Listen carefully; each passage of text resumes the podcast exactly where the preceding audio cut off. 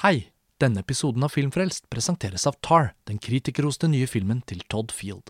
She's one of the most important musical figures of our time. Kate Blanchett spiller hovedrollen som Lydia Tarr, en banebrytende, talentfull og kontroversiell figur i klassisk musikk. Tarr er nominert til hele seks Oscar-priser, inkludert for beste film, og Blanchett har allerede vunnet en rekke priser for sin briljante rolletolkning. Dette er et fascinerende portrett av en kompleks kvinne, og en film som fyller det store lerretet med både episke bilder og intens dramatikk. No in. Tar vises på utvalgte kinoer fra fredag 10. mars.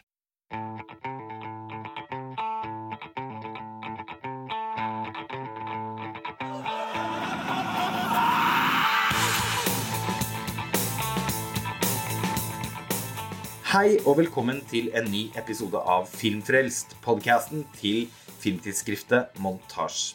Jeg heter Lars Ole Kristiansen og sitter her over Skype sammen med Oscar-ekspert Mats Halvorsen. Hallo! Hei, Mats. Årets Oscar-utdeling nærmer seg med stormskritt.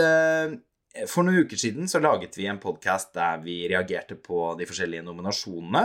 Og i denne episoden skal vi tradisjonen tro by på eh, våre antagelser, spådommer, eh, rundt eh, hvilke filmer som kommer til å ta med seg statuetter, og hvilke filmkunstnere som er nødt til å forlate Dolby Theater i Los Angeles med buet nakke, eh, og dessuten eh, dele våre preferanser, altså eh, si noe om hvilke filmer, skuespillere, eh, filmarbeidere vi personlig mener at eh, bør hedres. Hva slags forventninger har du til selve utdelingen, eh, Mats?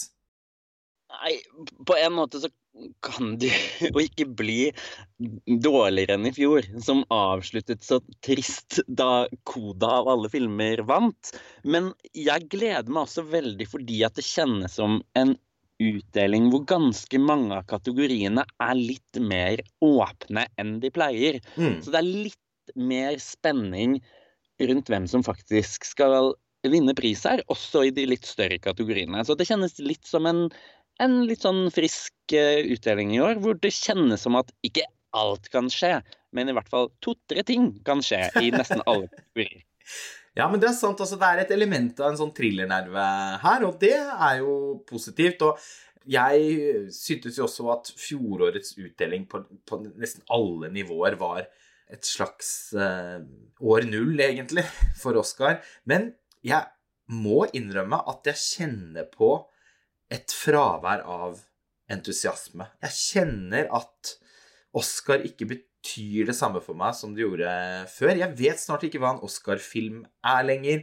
Jeg, jeg syns de konsekvent roter til eh, kategoriene, gjør så mange rare og nesten sånn eh, Altså valg som gjør at jeg bare tenker at OK, men dere får bare gi det til det dere vil, da. Fordi jeg syns at eh, det rett og slett eh, fremstår mer og mer som en eh, veldig kaotisk og til dels ganske useriøs eh, pris.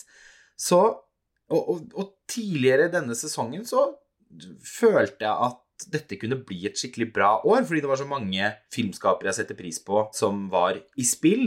Og etter hvert som jeg så flere av filmene som kom til å bli en del av sesongen, så fikk jeg jo egentlig flere og flere jeg kunne heie på. Og noen av disse har jo også på et eller annet tidspunkt vært å anse som eh, front, såkalte frontrønnere.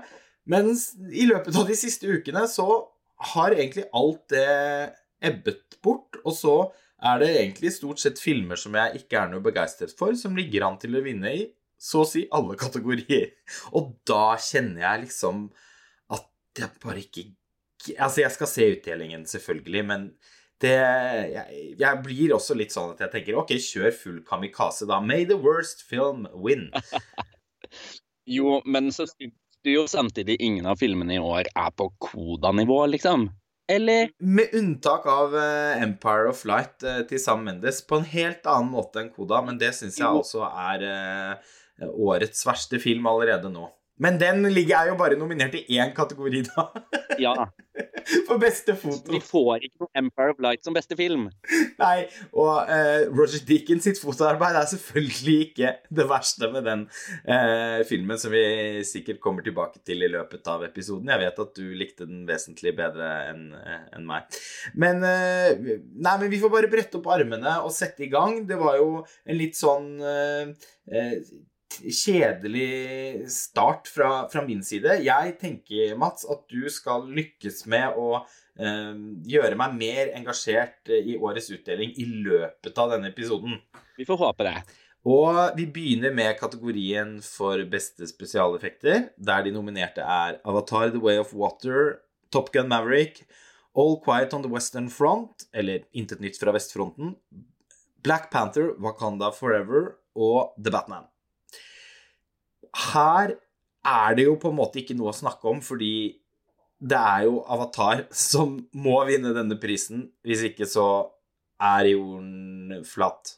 Ja, helt enig. Når jeg sa at det var noen, mange kategorier hvor både to og tre ting kunne skje, det er ikke denne. Det er ikke denne kategorien. Nå. må bli Avatar. Hvis ikke er det ikke noe vits å ha den prisen engang. Nei, altså det, det, er de beste spesialeffektene noensinne. Eh, enkelt og greit. Eh, I alle fall når det er snakk om digitale spesialeffekter.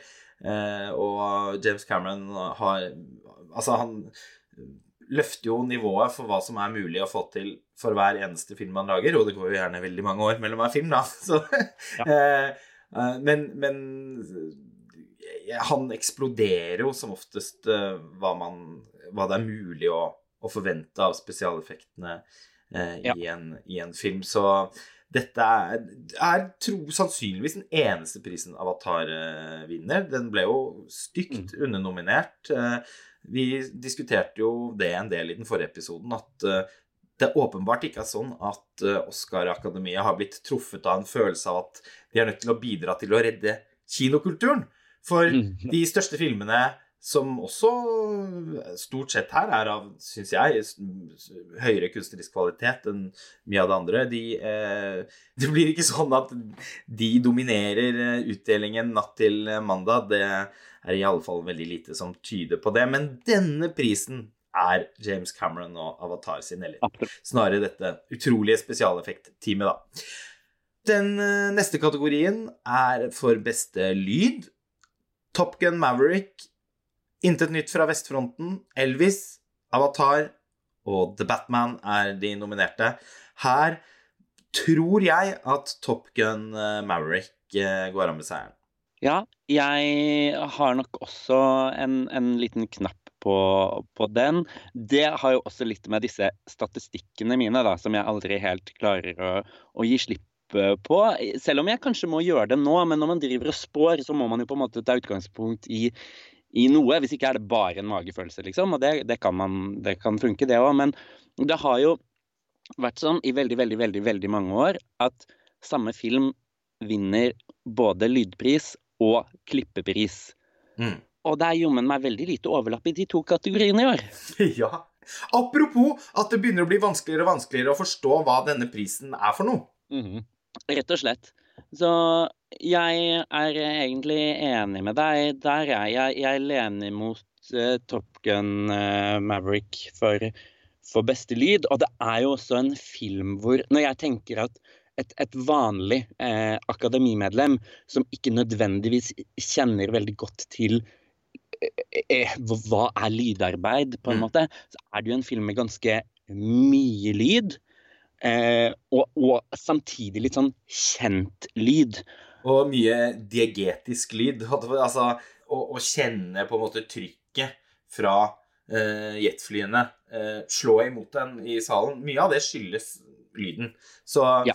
eh, og jeg tenker at det er en veldig fortjent pris. Hvis jeg hadde kunnet bestemme, så hadde jeg nok likevel gitt den prisen til Avatar The Way of Water, fordi jeg syns nok det er et enda mer spennende lydarbeid Særlig da de mange scenene som utspiller seg under vann. Ja. Eh, egentlig litt underlig at det ikke har fått mer eh, oppmerksomhet, men man har åpenbart bestemt seg for at den filmen ikke er, eh, er fin nok. Neste kategori er for beste originale filmmusikk. Og her er de nominerte Babylon, Intet nytt fra vestfronten, The Fablemans, The Banshees of Inisherin og Everything Everywhere All at Once. Her vil de fleste spåmennene og spåkvinnene eh, løfte fram Justin Hurwitz eh, sitt eh, score for Babylon. Jeg mhm. kjenner på at det At det er noe feil der. altså, han Én mhm. ting er jo at han har jo tidligere vunnet to Oscar, særdeles velfortjente som sådan, for La La mm. Land. Tidlig i sesongen så var det en gjengs oppfatning at man ønsket å hedre John Williams. Nok en gang, på en måte. Han har vel fem Oscar-priser fra før av, men det begynner å bli veldig lenge siden sist, da. Og jeg syns jo det hadde vært det absolutt mest rørende som kunne skje, selv om jeg, hvis jeg skal være helt ærlig, ikke tenker på hans arbeid i The Fablemans som noe som står veldig ut i en så filleristende, imponerende karriere. Mm. Han kommer jo til å bli husket som historiens største filmkomponist, kanskje for alltid. Så, men eh, ikke desto mindre så syns jeg, synes jeg jo The Fablemans eh, er nydelig. Da. Jeg har hørt ganske mye på det. Mer enn på, på, noen av de andre. Jeg har vel egentlig ikke hørt på noen av de andre som er nominert eh, i år. Eh, det var mange jeg krysset fingrene for som ikke ble nominert. Eh, F.eks. Simon Franglin for Avatar. Eh, og ikke minst Nick Cave og Warren Ellis for Blonde. Men den filmen har man jo bestemt at ikke skal få lov til å være med å konkurrere. Eh, selv om det ble gjort et, et hederlig og, og, og vakkert unntak for Ana di Armas. Eh, men ja, altså, jeg tror at det blir All Quiet on the Western Front som vinner her. Det er et, et score som virkelig gjør inntrykk, og som er en på en måte en veldig integrert del av filmens fortelling og fortellerstil. Det tok jo også med seg en BAFTA, og ettersom den filmen åpenbart trender mer Eh, i øyeblikket enn eh, Babylon, så, så, så, satser jeg på at eh, den tar med seg prisen, og håper på John Williams og The Fablemans, men var altså veldig begeistret for, for den komponisten som jeg ikke kan huske navnet på sitt arbeid i All Quiet on the Western Front, altså. Ja. Nei, jeg, jeg, er litt enig med deg at tidlig her så, så det ut som at Babylon skulle hente denne ganske greit. Eh, jeg ble overrasket allerede da, da langlistene kom og The Batman-scoret ikke var med. For da den filmen kom, så var liksom umiddelbart Oscar-bussen der for den musikken. Ja, Michael eh, Giacchino. Men du, vet hva, det skjønner ikke jeg nå. Fordi jeg syns det var et veldig underveldende eh, soundtrack. Eh, det høres jo bare ut som begynnelsen på Imperial March til John Williams, som bare fisler ut. Altså, det begynner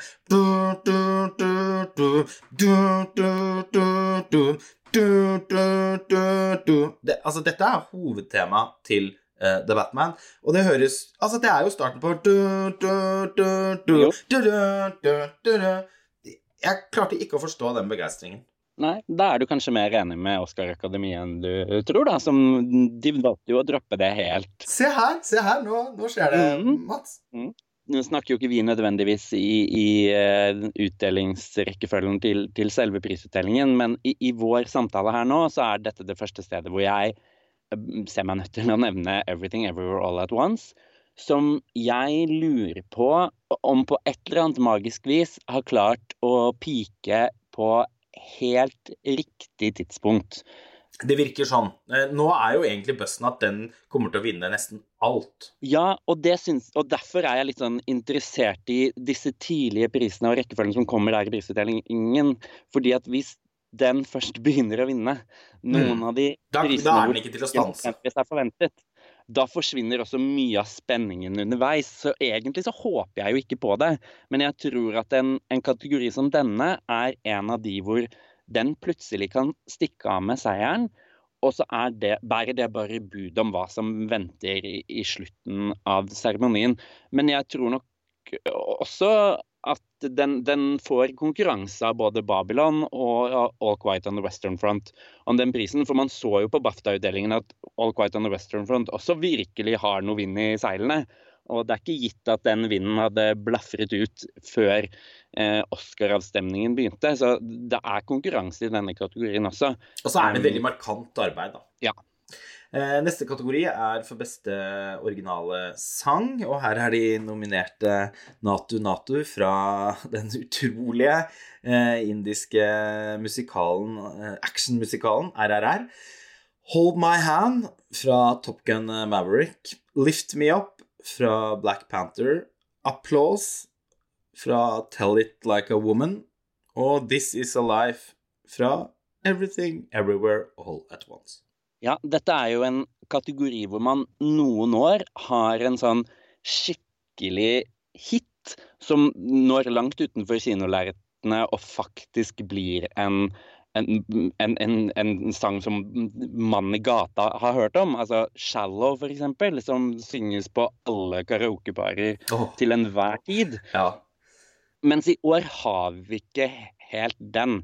Jeg ville slitt med å nynne noen av disse sangene her, egentlig. Og nå er jo jeg notorisk dårlig på dette med sang og musikk, da, men eh...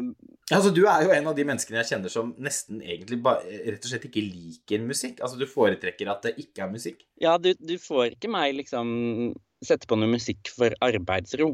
Da det, Nei. Så der alle andre hører på filmmusikk for å få liksom send, så er Nei, det gjør ikke det. Så det, det, hjelper meg jo ikke her. Det er litt lettere med sang. Enda lettere når det er en stor hit som er nominert. I år er det jo en del stjerner. altså Både Lady Gaga og Rihanna er jo nominert. Lady Gaga skal visstnok ikke opptre under seremonien. Eh, Diane Warren, som da er nominert for Applause, som har vært nominert Hun er nominert hvert eneste år. Hun lager en sang til en eller annen rælete film.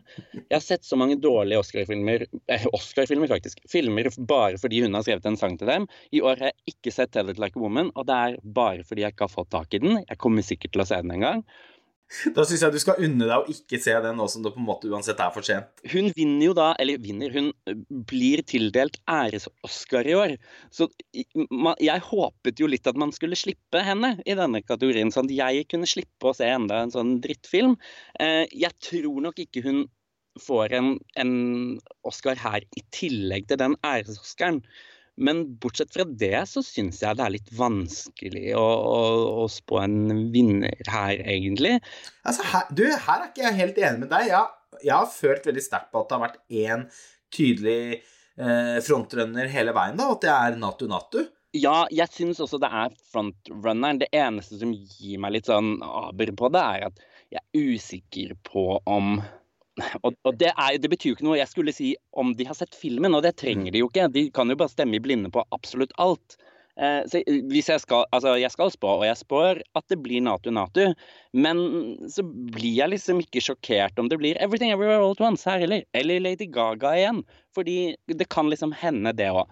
Eh, fordelen, syns jeg, med Natu-Natu det er jo at det er en vidunderlig låt eh, fra en ja.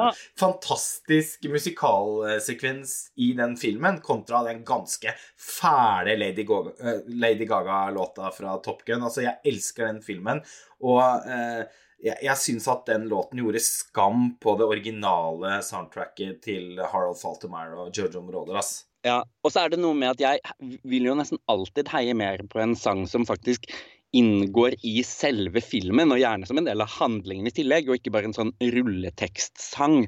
For det kjennes som en utrolig enkel måte å bare prøve å vinne seg en Oscar, liksom. For da trenger jo ikke den sangen ha no noe med filmen å gjøre, egentlig. Og derfor syns jeg alltid det er litt eh, kjedelig.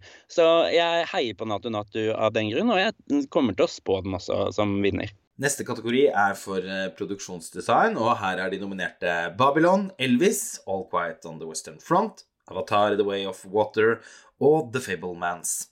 Eh, her eh, har Babylon seilet opp som eh, favoritt, og jeg antar nok at den kommer til å stå igjen som vinneren, ikke minst fordi den foregår i Hollywood, og gjenskaping av, av Hollywood gjør det tradisjonelt veldig bra i denne sjangeren her. Eh, fra The Aviator til Once Upon a Time in Hollywood, og vel til og med Mank. Ja, den har jo en veldig sånn Vil jeg tro en slags gjenkjennelsesfaktor på en annen måte enn en del av de andre. De har ikke vært så mye i skyttergravene, disse skuespillerne. Og Med mindre de har spilt i en krigsfilm, da. Men den er jo også et eksempel på, på mye produksjonsdesign. Vi er mange forskjellige steder. Det er overdådig, det er storslått. Sånn at det er ganske lett å se arbeidet. Og det gjør det jo også litt lettere å, å slenge en stemme den veien, rett og slett. Det er ikke like lett å, å, å mane fram hvor alle disse scenene i The Fablemans foregår, f.eks. For, eksempel. for det kjennes litt som et sånt Ja, det var et hus, og så var det en skole, og så Mens disse store festene med Babylon gir et litt mer sånn in your face-inntrykk, da. Definitivt. Eh, Det eneste jeg tenker er at det at det er så mye som er litt sånn beige og sandfarget i filmen, kan jobbe litt uh, imot den, men på den annen side så er jo dette et også et mer analogt produksjonsdesign da, enn det vi ser i f.eks. Avatar eh, The Way of Water. Så eh, jeg, jeg, jeg tenker at Babylon kommer til å vinne her, men var det opp til meg, så, så skulle prisen blitt tildelt av 'Tide The Way of Water. Jeg syns det er noen helt utrolige design i den filmen. Og produksjonsdesign-kategorien skal jo være formatnøytral. Altså, eh, animasjonsfilmer skal også kunne bli nominert her. Ja. Så med det in mente så syns jeg egentlig at Avatar er en ganske suveren uh, vinner. Jeg hadde også vært begeistret hvis Elvis uh, tok med seg en pris i denne kategorien. Jeg er begeistret for Baz Luhrmann, og jeg syns det var helt magisk å se han uh, returnere til sitt gamle jeg i, i Elvis, og det er masse opulent eh, produksjonsdesign i den eh, som også er verdig en, en Oscar, og som nok vil være den største utfordreren til eh, Babylon, sånn som stjernene Ja. står nå. Enig. Men hva er din foretrukne vinner i denne kategorien da, Mats? Jeg ville stemt på Avatar selv, fordi den verden er så ko-ko. Eh, og, og, og det er så mye design som går inn i det også, som, eh, som man nesten ikke Jeg tror man på en måte glemmer litt at det er produksjonsdesign på et vis. da. ja, jeg tror mange glemmer det. det føles jo nesten som de bare har dratt til en planet og filmet det. Ja. Og jeg tror også at en del vil på en måte stemme på den i visuelle effekter, og så føler man at ja, men det var jo det det var. Det var Mm. ikke produksjonsdesign, det var visuelle effekter, og det blir jo helt bananas. For det kan faktisk være begge deler samtidig. Nettopp. Nei, men her, her er vi enige, Mats. Eh, Den neste kategorien er for uh, sminke og hår. Uh, og her er de nominerte Elvis, The Whale, All Quiet on the Western Front, Black Panther Wakanda Forever og The Batman. Ja, hva tenker du om denne kategorien? Der er vel to tydelige favoritter her, er det ikke det? Jo, jeg Som lar seg knytte opp til kategorien for beste mannlige skuespiller. Nettopp. Og det, det er jo en litt sånn fatsuit-kategori på, på en måte, med både Elvis, The Whale og The Batman, som jo har en ugjenkjennelig Colin Farrell i, i en birolle. Eh, men det er eh, Elvis og The Whale som har pekt seg ut som, som favorittene i, i mine øyne. Det er jo mye hår og sminke begge de to filmene, dog på, på ganske ulikt eh, vis. Austin Butler er jo sminket og frisert gjennom hele filmen, også når han er langt ifra eh, tjukk. Um, men jeg, jeg syns det er veldig interessant at de to er eh, kan man si, frontrunners i denne kategorien, med tanke på at eh, de to skuespillerne også ligger såpass godt an i, i kategorien for mannlig hovedrolle. For det har jo skjedd flere ganger at en film har vunnet pris nettopp for en hovedrolle og for sminkearbeidet. F.eks. da Meryl Streep vant eh, sin eh, Oscar for The Iron Lady, så vant jo også hennes faste sminkør gjennom mange år også eh, pris. Mm. Så jeg kommer til å følge litt ekstra med på denne kategorien under prisutdelingen, og kommer til å tolke vinneren her som en pekepinn på hvem som vinner mannlig hovedrolle, Mm. eh, så fremt det da ikke blir Black Panther og Wakanda Forever, for da er det jo ikke tegn på noe som helst. Nei, eh, det er så sant som det er sagt. Eh, Jeg har en magefølelse på Elvis i begge kategorier. Og jeg òg tenker at de nødvendigvis er veldig tett knyttet sammen i år. Så jeg gutster og på en måte også håper på den. Altså, jeg syns fatsuiten og sminkearbeidet i The Whale er flott i lys av hva slags film det er. Nå er jo dette etter hvert en film som egentlig har fått slakt i Norge, og som veldig mange misliker sterkt. Eh, Jeg er av en helt annen oppfatning. Jeg syns at det er en slags bibelfortelling eh, eh, som, med noen motiver og temaer som Aronofsky har utforsket i, i mange filmer etter hvert. Altså, han er jo religiøs, eh, Aronofsky, det er åpenbart. eh, og eh, jeg tenker at noen av virkemidlene og måten han velger å beskrive hovedpersonens forfall på og sånn, nok eh, blir lest på måter som i alle fall eh, ikke er i takt med intensjonen. Og, sånn er det jo ofte, da. Altså, det er jo ikke sånn at man som kritiker skal underlegge seg en antatt eh, visjon, men jeg syns likevel det er interessant at, at den filmen eh, fremkaller så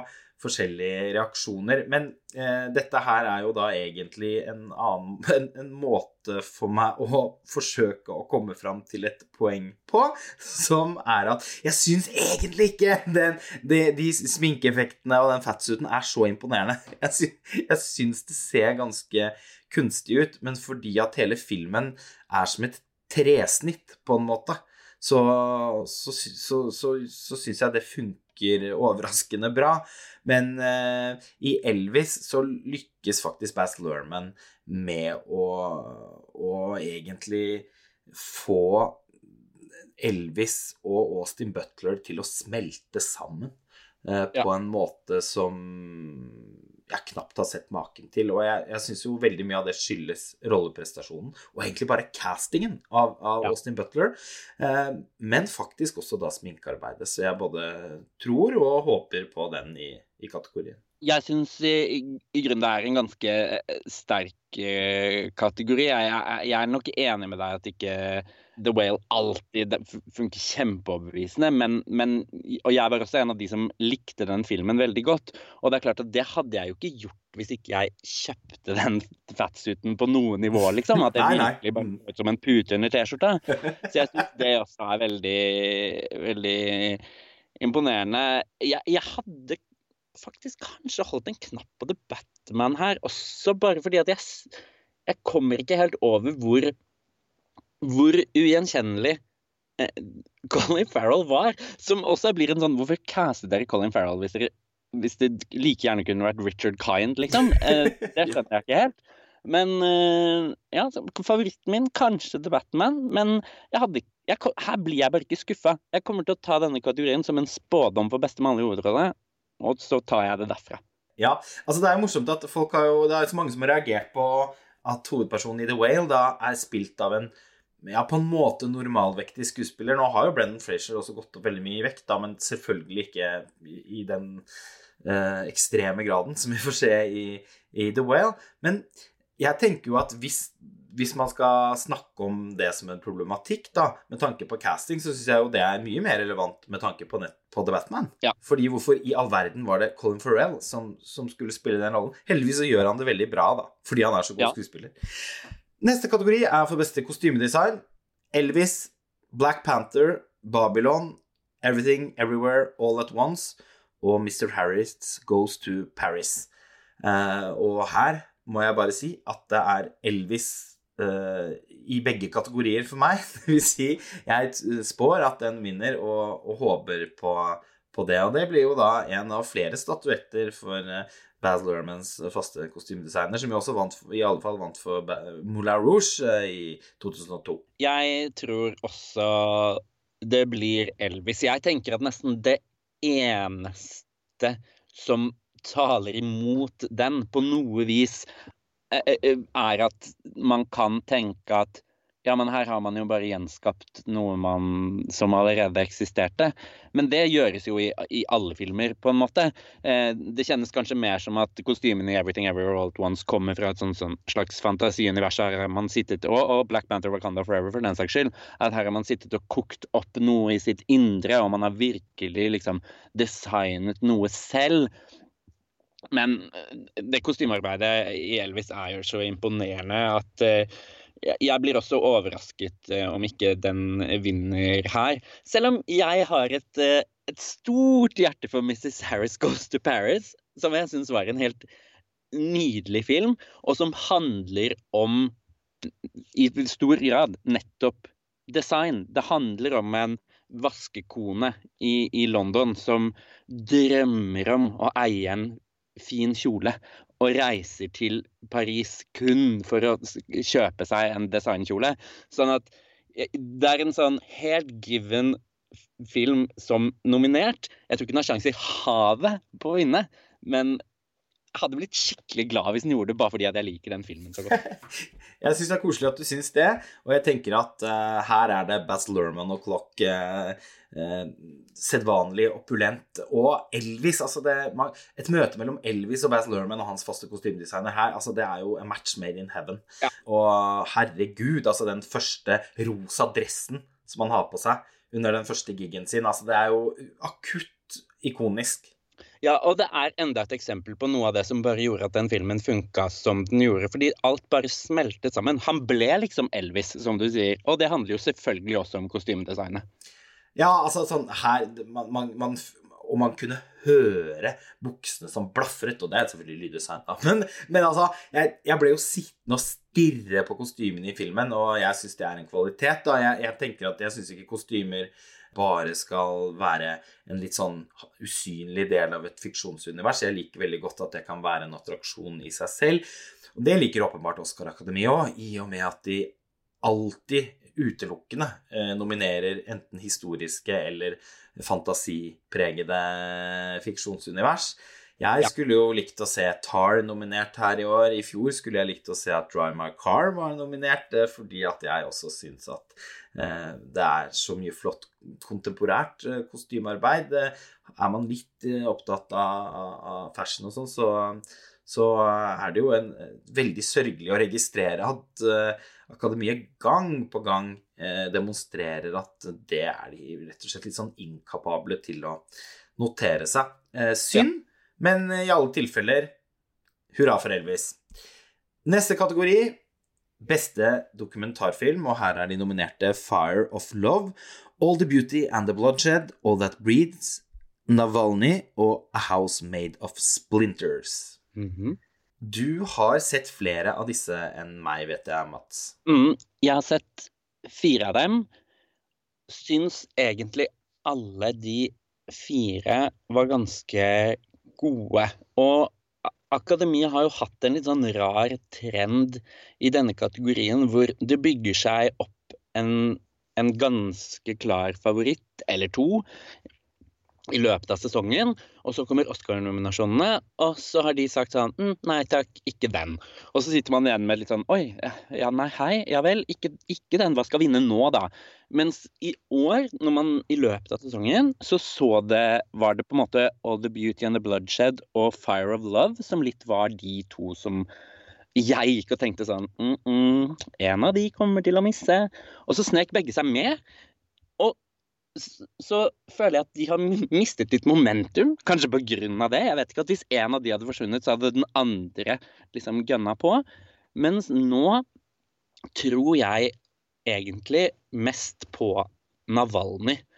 Um, og det syns jeg egentlig er helt greit. Den har en helt sånn thrilleraktig oppbygning og er veldig meddrivende. Det er særlig én sekvens hvor de omtrent driver et sånt undercover-oppdrag, hvor man virkelig liksom merker at man bare setter seg lenger og lenger fram på setet og, og, og, lar seg virkelig sjokkere av det som skjer i den, den scenen. Så jeg tror det er, det er, veldig lett å bli engasjert i den historien. og, og, dermed også å stemme på den her. Selv om igjen, jeg syns det er en sterk eh, kategori, altså. Det syns jeg. Ja, altså Det er mange som antar at Fire of Love eh, er den som kommer til å vinne. Jeg tror eh, at eh, jeg stadig vekk satser på det, men jeg har jo ikke da sett filmen og blir veldig overbevist av det, det, du forteller her nå. Da. I det hele tatt så, så, kan ikke jeg si så mye om den kategorien, utover at jeg liker All the Beauty and the Bloodshed veldig godt. Den vant jo Gulløven i Venezia og handler om eh, bildekunstneren, eller fotografen Nan Goldin, som jeg er kjempefan av. Og den fandomen, den, den, eh, den eh, gjør seg veldig gjeldende da, under mitt møte med den filmen, som jeg kanskje egentlig syns er litt for eh, konvensjonell og, og, har i overkant mange talking heads og eh, noen montasjer som kanskje kunne vært mer inspirert satt sammen. Men ikke desto mindre så, eh, syns jeg det er en veldig engasjerende og til tider også innmari vakker dokumentar om Goldin. Og dessuten så kjenner jeg at jeg blir veldig engasjert av sånn anti-Oxycontin-aktivisme. Eh, som også da er veldig stimulert av uh, Levinson-familiens uh, fiksjoner om, om uh, temaet i Euphoria, da så klart min store favoritt, og, og Dopesick. Ja. Og Sackler-familien er jo også da under angrep i All the Beauty and the Bloodshed, fordi Nan Golding har startet et, en, en bevegelse for å la de måtte stå til rette for alle de eh, egentlig drapene da, som de har eh, begått gjennom eh, distribusjon av dette forferdelige medikamentet. Ja, enig. Jeg syns også den er, er, veldig god, og jeg så den filmen rett etter at jeg hadde sett ferdig Dopesick, så det kjentes også bare som en sånn pluss én på, på det. Ja. Eh, jeg syns også Fire of Love var, var, veldig rørende og veldig mye nydelig foto i den. Det jeg er redd taler litt imot den, er at det er veldig mye arkivopptak. Og av en eller annen grunn så har de akademiet hatt en litt sånn derre mm, ja, mm, Som om ikke det liksom skal være greit. eh, så litt på grunn av det, litt på grunn av bare en Ja, nå snakker jeg om magefølelse, så, så lander jeg på, på Navalny som, som, spådommen min, og så hadde jeg nok eh, valgt Fire of Love selv. Ja, fordi det er sant det du sier, altså, at de ofte har eh, utvist en slags eh, Altså i alle fall må Kan man jo lese det ut av eh, vinnere opp igjennom, da, at de kanskje har eh, markert en viss eh, skep, gitt uttrykk for en viss skepsis for sånne lagd på PC-en-dokumentarer. Og The Beauty and the Bloodshed er definitivt i den eh, kategorien. Neste ut er eh, beste internasjonale film. Og her er de nominerte All Quiet on the Western Front, Close, Argentina 1985, EO og The Quiet Girl. Her må jo All Quiet on the Western Front være en dundrende frontrunner på dette tidspunktet etter å ha vunnet BAFTA for beste film og blitt nominert til forbausende mange Oscar-priser. Ja, jeg, jeg, jeg, kan ikke se for meg noe annet enn at eh, den vinner, når, når kortene har falt som de har gjort. Og de andre filmene er, er som de er. De andre da er også på en måte mye mindre filmer som gjør at det, er mer naturlig å nominere Quiet on the Western Front i andre kategorier. Men, jeg, men, man ser jo ikke heller det så ofte. At man virkelig får en sånn slugger av en internasjonal film, selv om det riktignok har vært både en parasitt og en Drive My Car og verdens verste menneske som har gjort seg gjeldende i, i store kategorier de siste årene så, så, har man jo aldri sett en slik dominanse som, som All Quiet on the Western Front hadde på BAFTA-utdelingen, og heller ikke så mange nominasjoner den fikk eh, av Oscar til slutt. Så eh, jeg kommer til å bli helt sjokkert eh, hvis den ikke vinner. Og nå fikk den jo også slippe på en måte å ha konkurranse fra Decision to Leave, som jeg nå, etter å ha sett alle filmene i denne kategorien, skjønner veldig lite av. Den syns jeg åpenbart skulle vært her. Men fint for tyskerne, tror jeg. Ja, altså det var jo Ikke for å komme med et usmakelig ordspill eh, og, i, med tanke på at All Quiet on the Western Front er en krigsfilm, men det var jo et granatsjokk at Decision to Leave ikke endte opp med nominasjon eh, i, i, denne eller noen andre kategorier. Det er eh, en stor skam de mest fortjente vinnerne er bare ikke nominert. Og, så dette er en sånn kategori jeg i utgangspunktet er ganske sur på. Eh, jeg har eh, respekt for All Quiet on the Western Front, men, eh, og jeg syns altså, at det er, det er, en god film. Men på dette tidspunktet så kjenner jeg på at eh, en film om være seg første eller andre verdenskrig er nødt til å ha en veldig original visjon og bli laget av en ordentlig markant filmskaper hvis jeg skal bli ordentlig engasjert eh, og, og, og, fascinert, på en måte. Eh, det er noe litt for delikat over den filmen her. Dette handler utelukkende om en magefølelse. Denne filmen har noen utrolig flotte sekvenser. Den er nydelig spilt. Men, men på, jeg vet ikke. Jeg, jeg bare kjenner at jeg er så mett. Og jeg, jeg, var mett også da jeg så Sam Mendes 1917 for noen år tilbake, og foretrekker denne filmen hvis jeg er nødt til å velge mellom de to. Den er jo også da en sånn første verdenskrigs skyttergravsskildring. Uh, uh, ja. um, men ja, jeg vet Hva tenker du, Mats? Jeg foretrekker også All Quiet on the Western Front over 1917. Det er jeg ikke i tvil om. Jeg skulle veldig gjerne ønske at jeg hadde fått sett All Quiet on the Western Front på kino. For mm. det er for meg en så åpenbar kinofilm at mm. det at jeg måtte sitte hjemme og se den på Netflix, det syns jeg er utrolig trist. Jeg likte den veldig godt da jeg så den allikevel, men jeg sitter allikevel ikke igjen med et sånn voldsomt sterkt minne av den opplevelsen, på en måte. Og, og, det er nok også litt i det du sier om at man har jo etter hvert sett veldig mange krigsfilmer, da.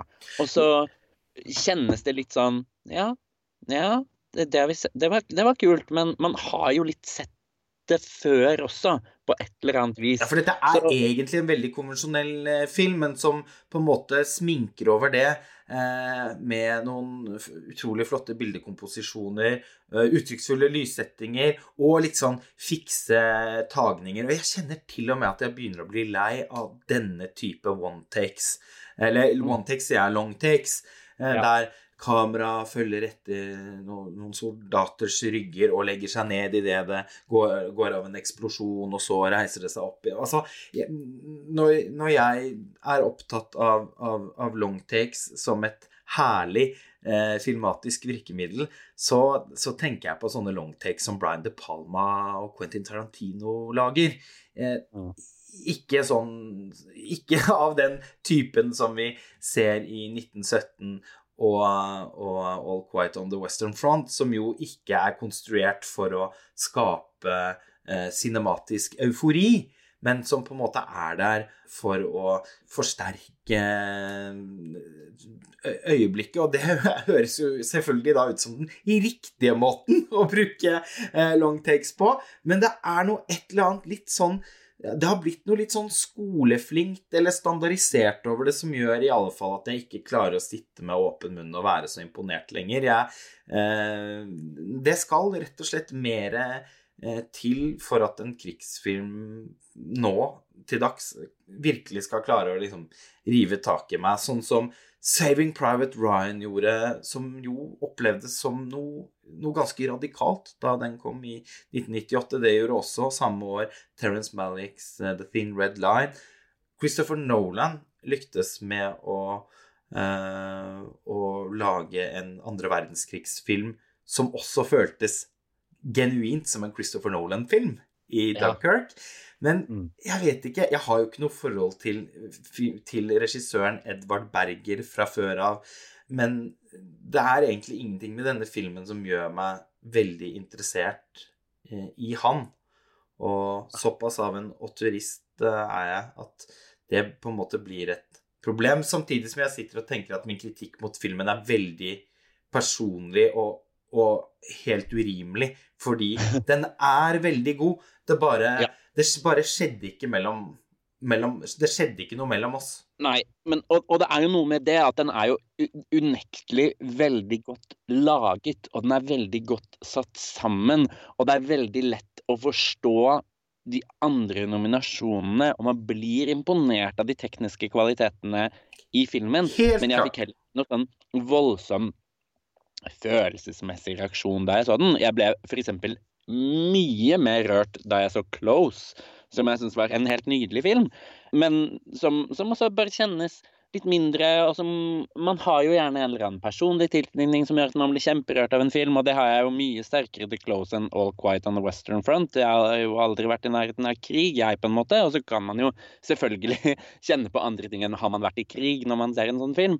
Men jeg tror at sånn og, og, og derfor så tror jeg nok også at jeg hadde stemt på Close hvis jeg hadde sittet i akademiet nå. Men jeg hadde jo gjort det med en litt sånn slags motløshet, hvor jeg hadde følt litt at det var å bare kaste en stemme på havet, fordi at jeg hadde tenkt at All Quiet on the Western Front selvfølgelig kom til å vinne. Men jeg håper jo veldig at de aller, aller fleste i akademiet ikke sitter og tenker på det, og at de bare stemmer på det de faktisk syns er best. Fordi hvis man bare skal slenge en stemme på den man tror vinner, ja, da blir det jo bare en selvoppfyllende profeti uansett. Ja, og Memento, den fabelaktige Amelie fra Montmartre eh, i 2002 var nominert til flere Oscar-priser, men eh, vant altså ikke prisen for beste eh, ikke-engelskspråklig film, eh, var det vel den gang. Det ble Ingenmannsland. Så de underligste ting eh, kan skje i, i denne kategorien, men det var vanligere før. Det har skjedd noe et eller annet her med måten man stemmer på, sånn har det ikke det, Mats? I, jo, litt, og så handler det jo også om bare tiden man lever i, og at selv om selvfølgelig alle studioer og alle kampanjeledere og alt hva som finnes der ute, sørger for at disse filmene blir tilgjengelig, men det er klart at hvis du ser på prosentandelen av akademimedlemmer som har Netflix hjemme i stua, så er det ganske mange. Og da er det lett å få frem All Quiet on the Western Front også, snarere enn å poppe inn en DVD som du har fått i posten for å se Close eller EO eller The Quiet Girl. Det er sant. Så, så, så det vil jo nødvendigvis også påvirke hvordan eh, akademimedlemmene tilnærmer seg denne kategorien i dag, eh, i, sammenlignet med ja, la oss si for eh, 10-15-20 år siden. Ja. Jeg syns Jeg må bare si det at, at jeg syns at den første halvdelen av Close er helt uh, fantastisk. Og så syns jeg filmen blir ødelagt av det jeg opplever som en narrativ us U-sving og nærmest en slags twist på midten. Jeg syns at denne filmen egentlig handler om det utrolig smertefulle ved å bevege seg fra å være et barn til å bli ungdom og ha hatt en bestevenn gjennom hele livet, for så å kjenne at, at det at, det, at den relasjonen er i ferd med å eh, med å bli, bli ødelagt. Ikke bare fordi at man kanskje begynner å eh, oppdage at man er mer forskjellige eh, enn da man var barn, eh, yngre barn, eh, men også fordi det er eh, noen sosiale forventninger eh, no, og også fordommer knyttet til nære vennskap mellom gutter som Ja. gjør seg gjeldende. Det er, eh, det er noe jeg har eh, opplevd selv, og eh, som jeg ble veldig, veldig beveget av. Jeg har sett filmen to ganger nå, og skrevet om den for tidsskriftet Periskop. Eh, men det er vel da den mest kritiske teksten om filmen, tror jeg, som er publisert i Norge. For jeg har da veldig store problemer med at filmen egentlig liksom gjenoppfinner seg selv litt eh, eh, underveis, og plutselig skal handle om en hel masse annet som jeg ikke syns den er i nærheten av å være like god på å fortelle om. Jeg, jeg skjønner hva du mener, og jeg, jeg ser på en måte et uh, multivers hvor den uh, fortsetter i en annen retning, som kunne vært like god, hvor ikke denne tvisten skjer. Jeg skjønner godt uh, hva du mener med det. Det hadde blitt en mye bedre film, for da hadde den vært enestående på et tema som veldig mange kan identifisere seg med. Ja. Ja. Eh, det er ikke så mange som har opplevd at Ja, spoiler alert, men eh, de aller fleste har vel lest ganske mye om denne filmen nå. Og, og det kan jo til og med hende at det, det vil stå på, på, på vaskeseddelen at eh, den ene av disse to vennene tar livet sitt. Og eh, plutselig så melder jo da en rekke spørsmål seg. Altså, da skal jo filmen handle om psykisk sykdom. Eh, der, eh, der, holder den kortene veldig tett i brystet, for å si det forsiktig. Eh, den skal handle om dårlig samvittighet, men på en litt spekulativ måte. Altså for en 13-14-åring å erfare at eh, bestekameraten tar livet på grunn av deg, på en måte. Ja, jo da. Ja, da. Det, altså for meg så beveger det seg over i noe melodramatisk, og det blir Det blir understreket av den, den siste akten, der eh, jeg virkelig syns at filmen begynner å bevege seg veldig bort fra en Eh, helt unik autentisitet som den har i den første halvdelen. Så for meg er det en sorg rundt denne filmen, for den kunne ha vært eh, et mesterverk. Ja, Så du hadde ikke stemt på den, da? Nei, men samtidig så syns jeg også den første halvdelen av Close er eh, den, den vil jeg jo ha med meg. ja. og, og, tenke mye mer på å ha som en referanse i livet mitt, mens All Quiet on the Western Front kommer til å bare forsvinne litt ja. sånn langsomt, tror jeg. Eh, mitt svar er uansett decision to leave. Neste kategori er for animasjonsfilm. Og de nominerte er Guillermo del Toros Pinocchio, Marcel the Shell With Shoes On, Turning Red, Puss in Boots, The Last Wish og The Sea Beast. Og her er jo da kategorien som har min favorittfilm av året. Jeg elsker Marcel the Shell with Shoes On. Det var en sånn film hvor nesten med en gang den begynte, så falt haka mi ned på brystkassa, og der ble den gjennom hele filmen. Jeg var nesten helt lamslått av den eh, rare, fine, teite ideen, og hvordan de har gjennomført det, og hele det universet de klarer å skape i den filmen. Eh, nå er den endelig ordentlig tilgjengelig i Norge, i hvert fall på Blockbuster, så jeg må jo på en måte bare anbefale alle å se den. Selv om jeg tror det er en film som ikke alle kommer til å like like godt som meg. Eh, men det er liksom Jeg heier så mye på den i denne kategorien her, selv om jeg ikke tror den vinner, da. Fordi det ser nok veldig ut til å bli Guillermo del Tøros Pinocchio som vinner denne kategorien her så syns jeg jo ikke det er en dårlig film heller. Nei, altså jeg likte den veldig godt, ja. Den er jo en soleklar frontrunner. Og eh, jeg har jo ikke da sett eh, Marcel de Chal, eh, og min stemme ville nok derfor gått til Pinocchio. Men det er ikke med, med stor entusiasme. Altså jeg syns at filmen er veldig god, men ikke noe mer enn det heller. Men altså Guillermo del Toro er jo også en filmskaper som, som man har et forhold til. og Eh, nå var jeg slett ikke blant de som, som eh, ville ha stemt på The Shape of Water for beste film eh, det året, da den konkurrerte mot mesterverk som Phantom Thread og Call Me By Your Name og The Post og I, Tonya. Men men, eh, men, men, jeg syns jo likevel at det er litt hyggelig med Guillermo del Toro. Så at han skal gå opp på scenen og ta imot den prisen, kommer til å bli et fint, lite øyeblikk. Nå tenker jeg at uh, vi beveger oss kjapt til kortfilmkategoriene. Uh, som du har uh, oversikt over, Mats. og den første blant disse Iallfall på dokumentet som jeg har foran meg, det er animerte kortfilm. Der de nominerte er The Boy, The Mole, The Fox and The Horse, The Flying Sailor, An Ostrich Told Me The World Is Fake And I Think I Believe It, Ice Merchants og My Year of Dicks. Yes. Jeg tar jo liksom alltid den kortfilmkroken hos Mats når vi gjør disse podkastene. For jeg blir jo litt sånn obsessed. Jeg vil se så mye som mulig. Eh, og har også sett ganske mange av kortfilmene. Og i, i, i, år så hadde jeg også vært flink og sett i forkant av nominasjonene, og syns bare det er utrolig morsomt at man har en kategori hvor titlene er som de er. Bare det å se på annonseringen at Riz Ahmed står og sier 'My Year of Dicks', var jo på en måte nok. Vi trenger nesten ikke dele ut en pris i kategorien engang, liksom. For vi har fått det øyeblikket.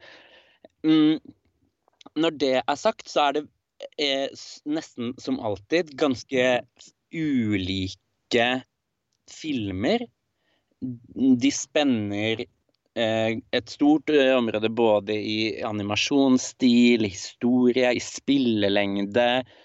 Og, og jeg, jeg, sliter jo alltid litt med å se for meg at virkelig alle eh, akademimedlemmene setter seg ned og ser alle kortfilmene. Selv om det burde være kjempelett. Det er jo en dag, det, så har du sett alle 15, på en måte. Men eh, i denne kategorien så, så er vel The Boy, The Mole, The Fox and The Horse å regne som en favoritt. Det er en ganske sånn klassisk stil sånn håndtegnet, fin historie om ja, de nevnte karakterene i tittelen. Eh, den er ganske lang, og det pleier jo ikke å være en fordel i denne kategorien. Um, men like fullt er den litt en favoritt. Og så har jeg en liten sånn magefølelse eh, på at kanskje My Year of Dicks kan vinne likevel. Det er en veldig kul film. Um, en, en, langt mer personlig film som, som, er laget av en filmskaper som, som forteller om måte sitt eget eh, liv på en helt annen måte enn eh, The Boy, The Mole, The Fox and The Horse gjør. Eh, og som, som, jeg tror er en sånn film som, hvis man faktisk ikke har sett alle, så kanskje man bare slenger en stemme dit fordi man syns det er en gøy tittel. Og det kan jeg egentlig leve med. Tenk å få et øyeblikk hvor noen står på den Oscar-scenen og sier The Oscar goes to My Year of Dicks. Det er jo helt fantastisk.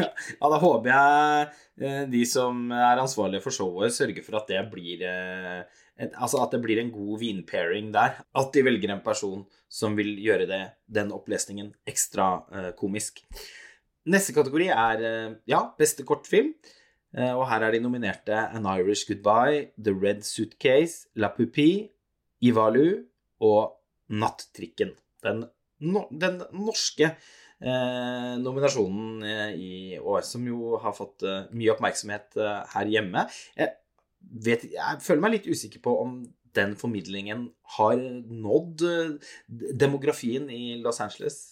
Nei, jeg er enig med deg. Altså, Som seg hør og bør, så har det fått mye oppmerksomhet her hjemme. Vi må jo alltid eh, heie litt ekstra på, på, Norge når vi virkelig er der oppe blant de store stjernene i, i Hollywood. Og bare pga. det, så, så er man jo nesten programpliktig til å heie på, på nattrikken.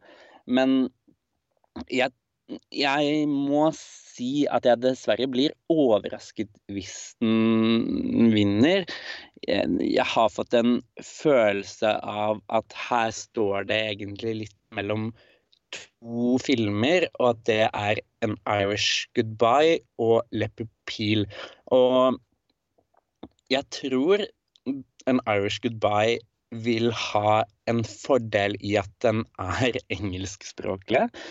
For selv om akademiet tydeligvis har lært seg undertekster vi, Altså, 'Parasitt' vant beste film, så, så, tror jeg likevel at det er en litt sånn Det er enklere, da, å følge med hvis du faktisk eh, skjønner hva som blir sagt. Og det er nok begrensa også hvor mange av akademimedlemmene som forstår eh, trøndersk, som jo er, gjør seg gjeldende i, i nattrikken.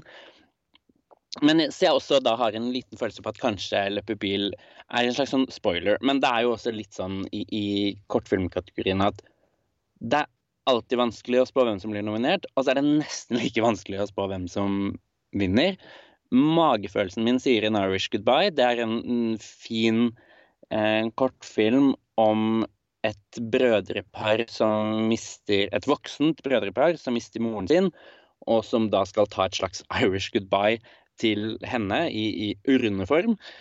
Egentlig en veldig fin film, altså. Så, så jeg hadde vært tilbøyelig å stemme på den selv. Jeg, hvis ikke det var for at jeg selvfølgelig og åpenbart hadde kastet en stemme til, til, til Nattrikken her. Eh, men vi har jo allikevel ikke nok norske medlemmer i akademiet til at jeg helt klarer å tro på en hjemmeseier for oss. Så Nei, At de får eh, tilstrekkelig vind i, i seilene. Hva med den eh, neste kortkategorien, da? Beste kortdokumentar. Her er de nominerte The Elephant Whisperers, Stranger at the Gate, How Do You Measure a Year, Hall Out og The Martha Mitchell Effect. Her har jeg sett tre av de nominerte. De er f.eks. tilgjengelig på Netflix som The Martha Mitchell Effect og Disney Pluss, The Elephant Whisperers. Ellers er jo alltid mitt tips for de som har lyst til å se disse kortfilmene, å gå på YouTube eller Vimeo, for der ligger mange av dem tilgjengelig. Så det er absolutt mulig å få sette seg opp på disse før prisutdelingen hvis man vil det. Her tror jeg Altså, jeg mener litt at favoritten her er 'Stranger at the Gate', som jeg ikke har sett selv, så det er litt vanskelig for meg å, å, å begrunne det med noe annet enn at det har jeg lest litt uh, om. Um, av de jeg har sett, så ville jeg nok kanskje holdt en knapp på The Elephant Whisperers. Det er veldig som... mange som løfter fram den som favoritt også. Ja, og det er en veldig sånn feel good-film om et naturreservat i India, vel, hvor de hvor man bare får se et veldig sånn nært bånd mellom mennesker og dyr. Og i, i, positiv forstand så kjennes det litt sånn National Geographic-aktig ut. At man lulles litt sånn med inn i et veldig sånn nydelig landskap og får se dette båndet mellom eh, menneske og natur. Og det er en veldig sånn omsorgsfull, kjærlig tilnærming til både det de gjør i filmen, men også litt sånn filmskapingen, som er på en måte veldig sånn intim og litt trist og, og ja, egentlig en, ja, ja, Nå høres jeg ut som en kjempestor fan av den filmen, kanskje. Jeg er sånn passe fan av den, men jeg syns den var fin, altså. Um, og Haalat er egentlig ganske lik. Den handler om en, en mann som sitter oppe i isødet og, og teller hvalrosser, om jeg ikke tar feil. Og det er et slags bilde på på klimakampen. Og hvor mange hvalrosser som er der, handler om hvor varmt det er i vannet, og derfor søker de lenger nord. Og også en, en, på en helt annen måte en, en kaldere film, men som allikevel tar opp litt sånn det store bildet. The Martha Mitchell-effekt er nesten mer en sånn komedie om en sånn sassy politikerfrue som bare skaper helt mayhem i amerikansk politikk sånn rundt Watergate-skandalen. En egentlig ganske fornøyelig film. Det, er nesten som man tror det er en episode av Veep, egentlig. Fordi det er, det er bare så kostelige kriterier i den filmen. Så jeg, jeg, merker nå når jeg snakker om det, så syns jeg faktisk denne kategorien hadde vært den vanskeligste å stemme i selv, selv om jeg bare har sett tre. Jeg lurer på om jeg faktisk kanskje hadde stemt på Hallout, jeg. Ja. Men som sagt så tror jeg aller mest på Stranger at the Gate med The Elephant Whispers som en, en spoiler, da. Og da kan vi kanskje si sånn Takk fra Mats sitt kortfilmhjørne. Neste kategori er årets mest eh, kontroversielle, i alle fall for oss, eh, jf. Eh, reaksjonsepisoden vår i kjølvannet av nominasjonene, nemlig beste foto. Her er de nominerte i år All Quiet on the Western Front, Elvis, Tar, Empire of Light og Bardo. Ja. All Quiet on the Western Front er uh, storfavoritt, og det har jeg forståelse for etter å ha sett filmen. Ja, det er godt du sier det på en, på en måte. Du, du, sier det bare med litt bitterhet, og det er jo greit. Jeg, jeg, jeg, skjønner også det, for det er som du har nevnt tidligere, veldig mange fine komposisjoner, det er mange long takes. Det er veldig lett å la seg fascinere av fotoet i den filmen. Og nå som jeg endelig og akkurat har fått sett Tar, så er det en sånn film som jeg sitter igjen med litt sånn overraskelse over at klarte å, å snike seg med her. Fordi jeg, jeg likte Tar, altså. Og syns det er veldig mange kvaliteter i den som, som er, er kjempehøyt nivå. Men at den skulle snike seg med i foto også, det, det syns jeg er litt overraskende, da. Det var forbausende. Altså, når det er sagt, så syns jeg jo egentlig det er Blant de nominerte syns jeg det er en av filmene som fortjener det mest. Også fordi at jeg tenker at dette burde være en kategori som har øye for, for filmer som ikke har såkalt spektakulært foto. Ja. Men uh, jeg, altså Janusz Kaminski ble ikke nominert for The Fablemans. Russell Carpenter ble ikke nominert for Avatar The Way of Water. Og Kim uh, Ji-yong ble ikke nominert for Decision to Live. Og for meg er denne kategorien derfor cancel. Så I don't care. Og kjør gjerne full kamikaze med Oscar til uh, Bardo. Nei, altså Darius Konji, en av mine favorittfotografer noensinne. Det hadde vært veldig fantastisk om han på et tidspunkt kunne vinne en Oscar-pris, men det kan ikke bli for den filmen, som nesten i sin helhet er skutt i en litt sånn kvalmende vidvinkel, og i det hele tatt er en sånn narsissistisk tusseladd film som jeg ikke, virkelig ikke kunne fordra. Hva, har du fått sett Bardo siden sist, uh, Mats? Ja, og jeg, jeg, tror jeg kanskje hadde sett den sist òg. Jeg husker ikke. Jeg likte egentlig Bardo ganske godt. Eh, og det er en sånn film hvor jeg Fotoet er på en eller annen måte veldig foto.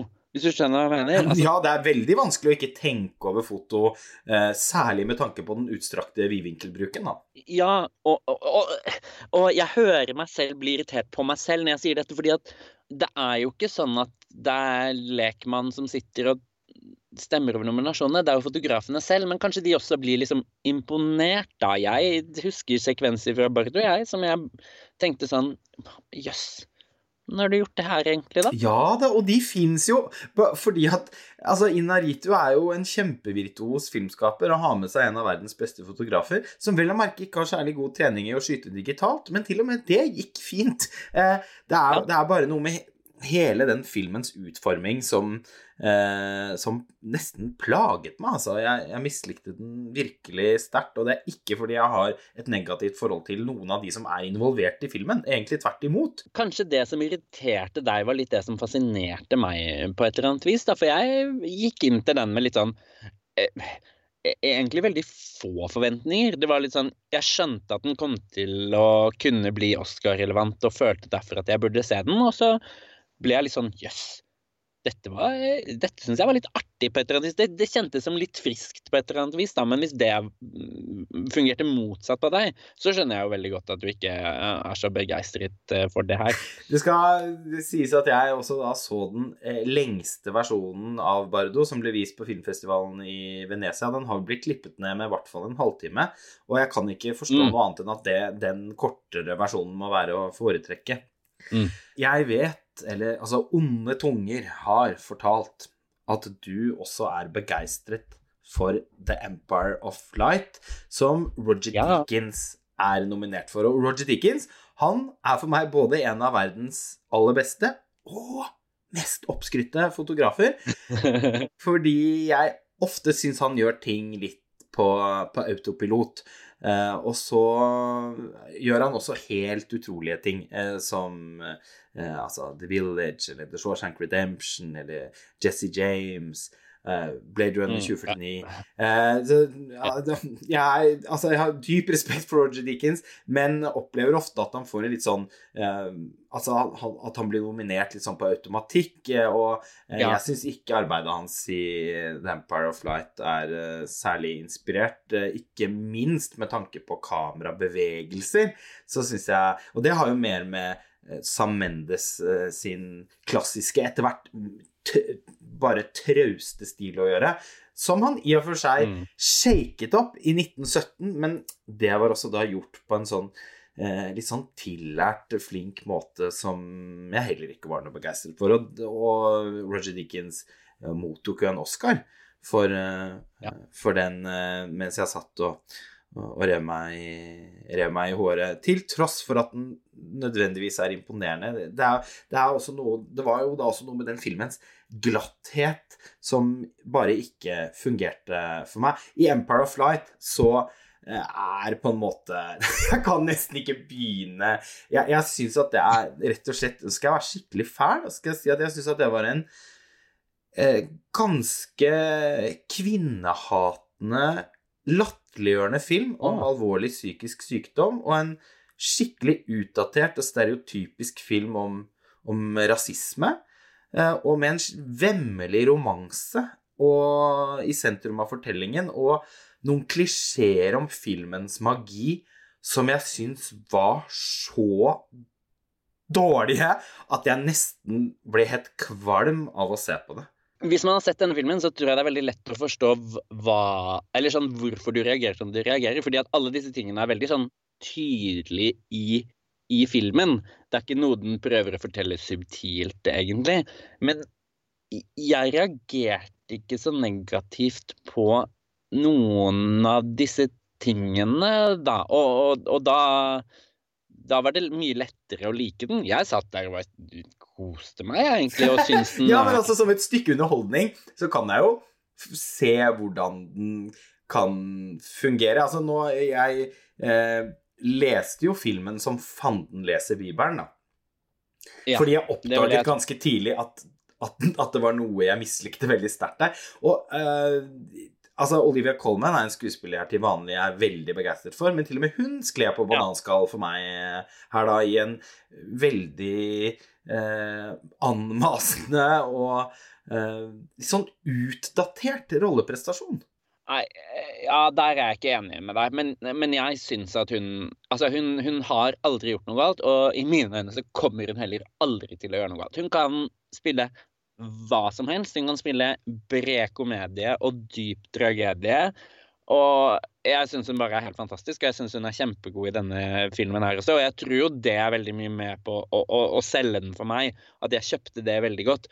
Det jeg tror at er litt et problem for denne filmen, kanskje, er at de første trailerne og måten den på en måte ble solgt inn som, var veldig sånn Dette er en film som handler om kjærligheten til nettopp film. Ja, The Magic of the Movies. Ja, og veldig mye av filmen er jo ikke det i det hele tatt.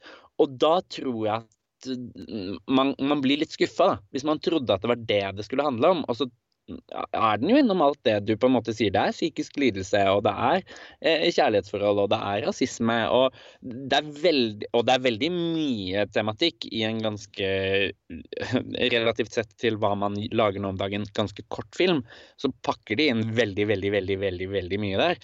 Men jeg, altså som sånn opplevelse da jeg satt og så denne filmen, kjempefornøyd. Syns jeg nødvendigvis at den har noe å gjøre i kategorien for beste foto? Nei, det syns jeg vel ikke.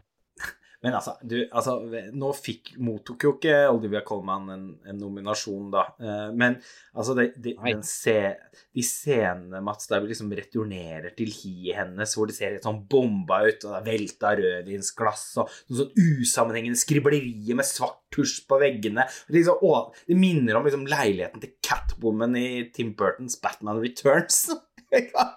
Syns du ikke det var litt over the top? Jo, kanskje, men jeg syns det er mer nå som du sier det, enn jeg gjorde underveis i filmen. Og jeg er jo veldig sånn forkjemper for det, egentlig. At det er sånn opplevelsen der og da som betyr mest for meg. For du kan alltid alltid snakke hull i en film etterpå.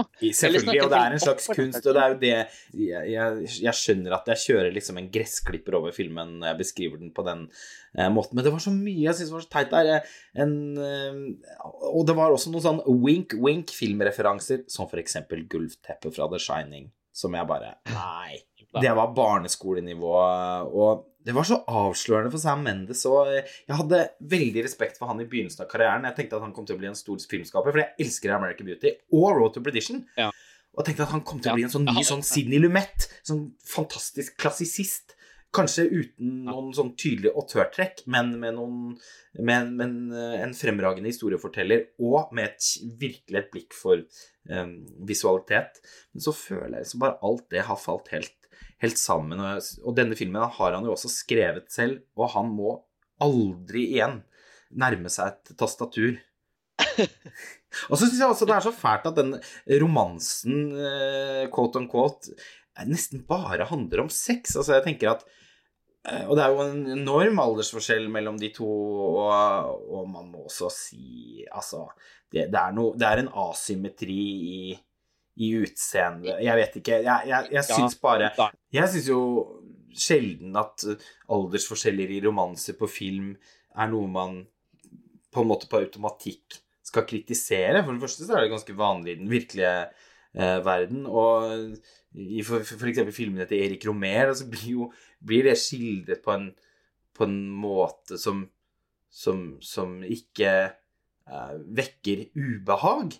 Men i Empire of Light så syns jeg det gjorde det, da. For det var De gjorde jo nesten ikke noe annet enn å, enn å knulle. Eh, Nei, det er kanskje her vi er nærmest å være enige om denne filmen. For jeg syns også at akkurat den relasjonen kjennes veldig sånn skrevet. Det er litt Jeg elsker Olivia Colman, liksom, men at uh, han fyren ser på henne og tenker sånn Ja, ja, ja, ja, ja, ja, ja. Og som ser ut som som en supermodell. Altså en engel. Virkelig. Den, den relasjonen er jeg enig i at liksom Den er litt mm, tynn. Men eh, Ja, og, og det er noe med castingen og sånt som ikke fungerer. Altså, jeg vet ikke, jeg sier ikke at det hadde fungert bedre med Jennifer Lopez, eh, men Eh, det er, det er noe, noe som er eh, feil her. Men noe gøy som kan skje i denne kategorien, Ja. som vi nå skal komme tilbake til, jeg vet hva du skal si. det er at Mandy Walker kan bli den første kvinnelige filmfotografen som vinner Oscar.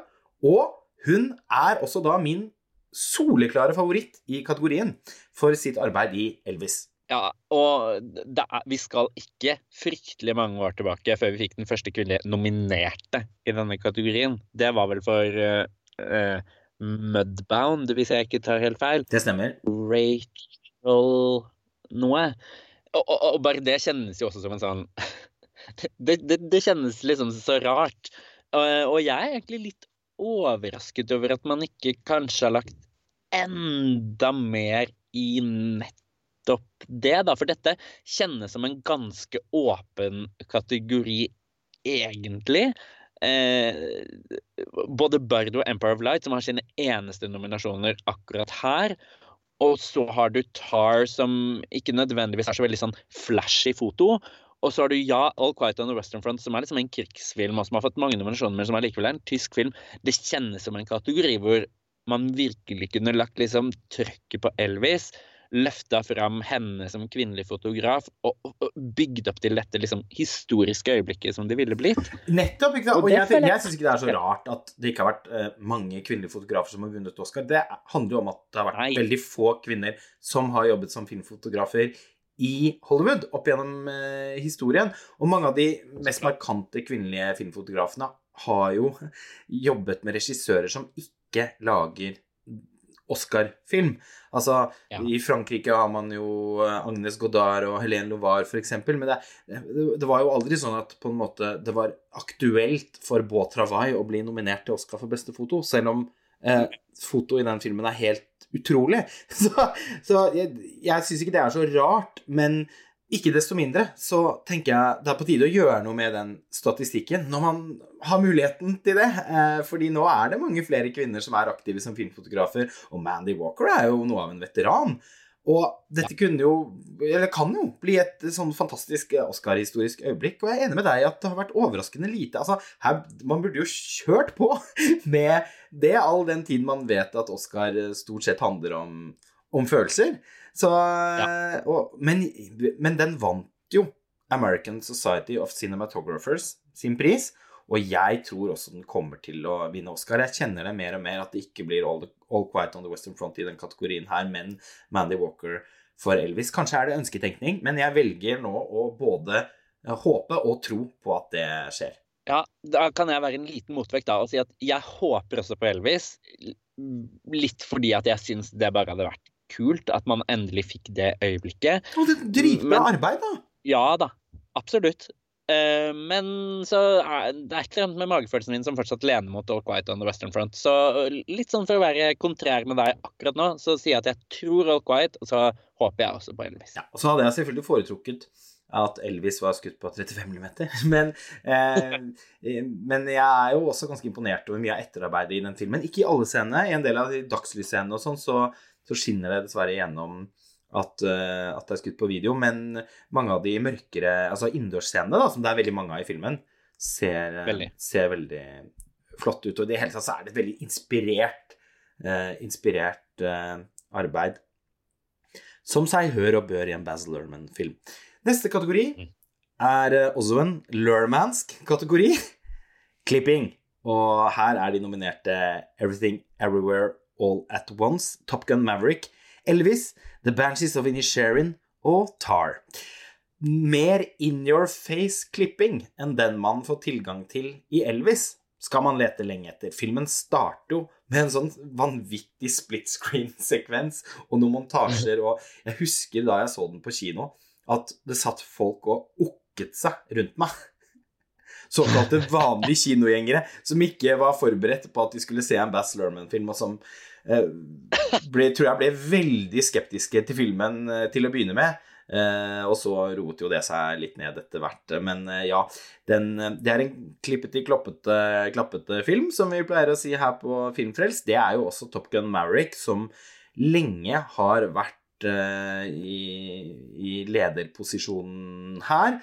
Eh, men nå er det også mange som snakker om det. Everything, Everywhere, All at Once, som vinner også i denne kategorien, fordi at beste klipping og beste film uh, ganske ofte hører sammen. Den statistikken har ikke holdt helt vann de siste årene. Uh, og det er også ofte en kategori der akademiet belønner faktisk bare helt fremragende prestasjoner, også på tvers av sjanger og sånn. Altså, dette er en uh, kategori for, hvor for, det er f.eks. The Matrix og uh, The Born Ultimatum uh, vant. Og, og, Top Gun Maverick vil jo da bli I og med at det da ikke fikk bli en sånn film som vant mange Oscar-priser, men litt få sånn klapp på skulderen for, for flott innsatsmottagelse av akademiet, så, så ville jo den på en måte da skrevet seg inn i historien som en av de ja, eh, Mad Max, Fury Road, eh, The Matrix-vinnerne uh, i, i, i, kategorien. Men Everything, Everywhere, All At Once Klippingen der er jo også veldig synlig, fordi det er jo så mange klipp i filmen, og den pendler jo mellom så mange forskjellige lag i det fiksjonsuniverset. Men Eh, men jeg må bare si at jeg syns det er skikkelig rotete, da. Og syns det ville vært en helt vilt lite fortjent uh, pris. Dessuten så syns jeg mye av uh, den vekslingen på en måte ligger i manuset. Jeg syns ikke den filmen er påfallende elegant klippet, uh, målt opp mot Top Gun Maverick, f.eks. Nei, altså dette er jo en, en, kategori som vi allerede har nevnt litt da vi snakket om lyd. fordi det er jo nesten en regel at hvis du vinner en, hvis du vinner klipp, så vinner du også en lydpris. Og hvis den tradisjonen skal fortsette, så må Top Gun Maverick vinne klipp. For det er den eneste som også er nominert til eh, lyd. Så jeg blir egentlig ikke overrasket i det hele tatt om Top Gun Maverick stikker av med klipp og lyd. Da er på en måte alt som det skal være, og noe er tradd i Oscar eh, selv i år. Men det som også er veldig sant, er at det er veldig, veldig sjelden at en film vinner hovedprisen for beste film uten å være nominert til klipp. Og det gjør jo at man på en måte peker seg ut noen favoritter her også, som, som vi skal komme tilbake til. Så har jo de siste årene vist at det ikke alltid uh, er, er, sant. Eh, Koda, for eksempel, ikke nominert til beste klipp. Tro det eller ei. Um, Den var vel ikke nominert til beste foto heller? Hva? Nei. Eh, men, men, jeg er egentlig ganske enig i, i, i vurderingen din her også. Jeg, det har jo vært litt sånn at beste klipp kan nesten også bety mesteklipp. Definitivt. Men da har vi ikke desto mindre tre filmer med mesterklipp, da. Nettopp. Og det er jo det som på en måte gjør det litt spennende. Så jeg ref meg selv tidligere i dag, så tror jeg jo også at dette kan være en av de kategoriene å følge med på når man skal til beste film til slutt. Fordi hvis Everything Everywhere All At Once vinner beste klipp, da blir det veldig vanskelig å spå noe annet enn at den vinner beste film til slutt uh, også.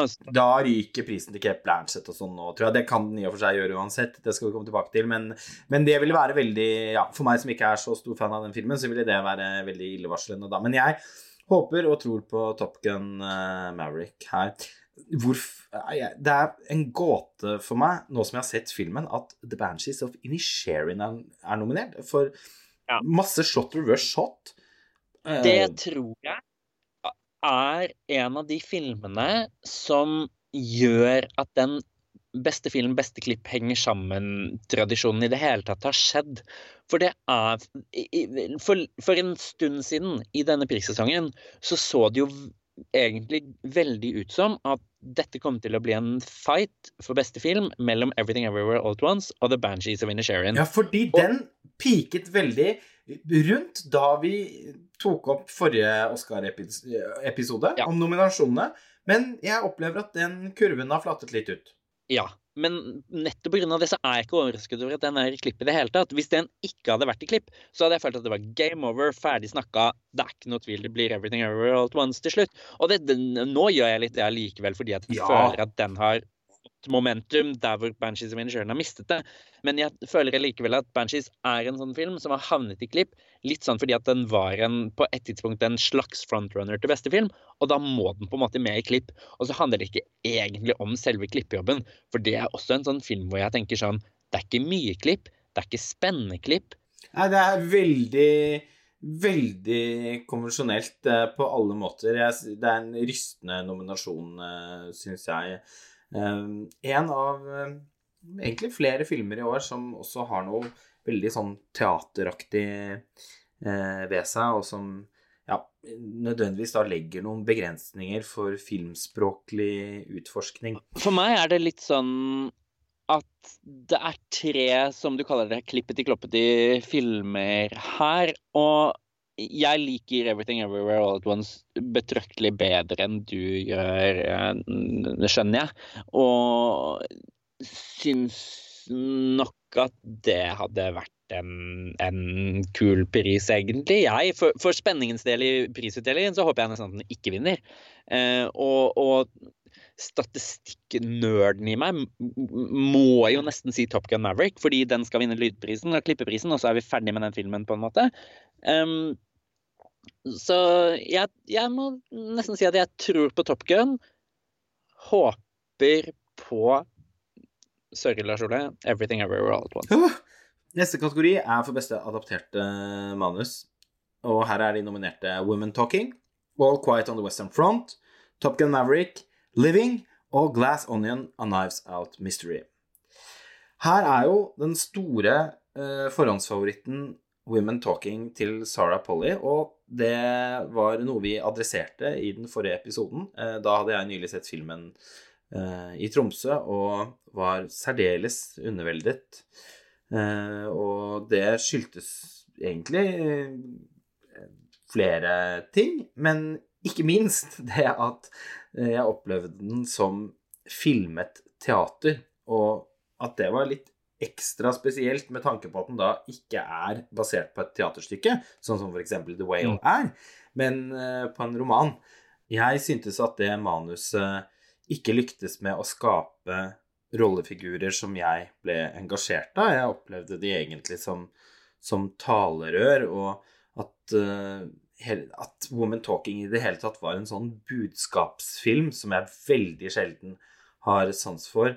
eh, og hadde kjempestore problemer med filmens fotografiske uttrykk. Eh, eh, den har en sånn nesten sånn gråblå fargepalett som er veldig påfallende. Og nesten, for meg så var det nesten vanskelig å se igjennom den, for jeg fikk en fornemmelse av at de hadde gått for det uttrykket for å på en måte understreke hvor alvorlig filmen var. Og for meg så fikk det helt motsatt effekt, at jeg nesten begynte Mm. å synes at det var litt komisk. Eh, og det er, eh, er leit når det er en film som behandler en så alvorlig tematikk. Og Mm.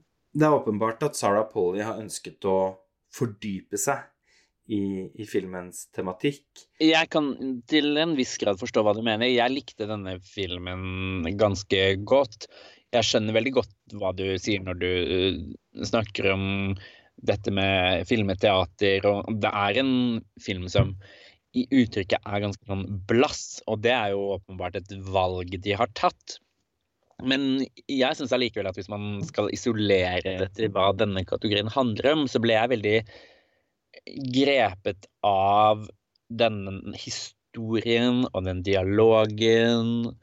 Og eh, tittelen er jo veldig beskrivende for hva filmen er. Dette er Women Talking.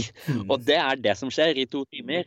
Og, og jeg syns det bare var utrolig fascinerende å, å følge den diskusjonen. Og det er en film som, og et manus som tillater veldig mye skuespill, et stort følelsesregister hos skuespillerne, som, som jeg ble ganske berørt av. Så jeg, jeg skjønner veldig godt den, det du sier, særlig når det gjelder dette med film og teater, fordi det kjennes nettopp som det. Altså Hvis ikke jeg hadde visst bedre, så hadde jeg jo tenkt at dette var et teaterstykke som var blitt gjort til, til film, fordi det, det, er litt det det oppleves som. Men, men som et som en adaptasjon, da, uten at jeg har lest boken nødvendigvis, så, så syns jeg egentlig at manusarbeidet er veldig, veldig godt. Og jeg, jeg, kan Det er veldig lett for meg å skjønne hvorfor den er en frontrunner i denne kategorien. Fordi hvis man tenker på manus, så er jo denne filmen nesten først og fremst manus. ja, samtidig som jeg, jeg syns jo adaptasjonen For meg er adaptasjonen per definisjon mislykket, da. Fordi jeg, eh, i det eh, begrepet så ligger det også for meg nettopp det å omarbeide noe til å bli en film. Og det syns jeg den mislykkes veldig med. Men at det er mye dialog ja. i filmen, det er det ingen tvil om. Jo, nei, jo, jo, selvfølgelig. Og jeg, altså ja, jeg, jeg, jeg syns nå det var en film, jeg, da. Men, men, men, det er klart at Altså eh, Jeg ser at det er Eller det, det, kjennes som en mer åpenbar manusfilm på et vis enn en Top Gun Maverick, som man ikke tenker på som en, en manusfilm. som det er vis, helt absurd at det er nominert i denne kategorien. Eh, ja. Jeg synes vel heller ikke at manuset var det som sto mest ut i All Quiet on the Western Front.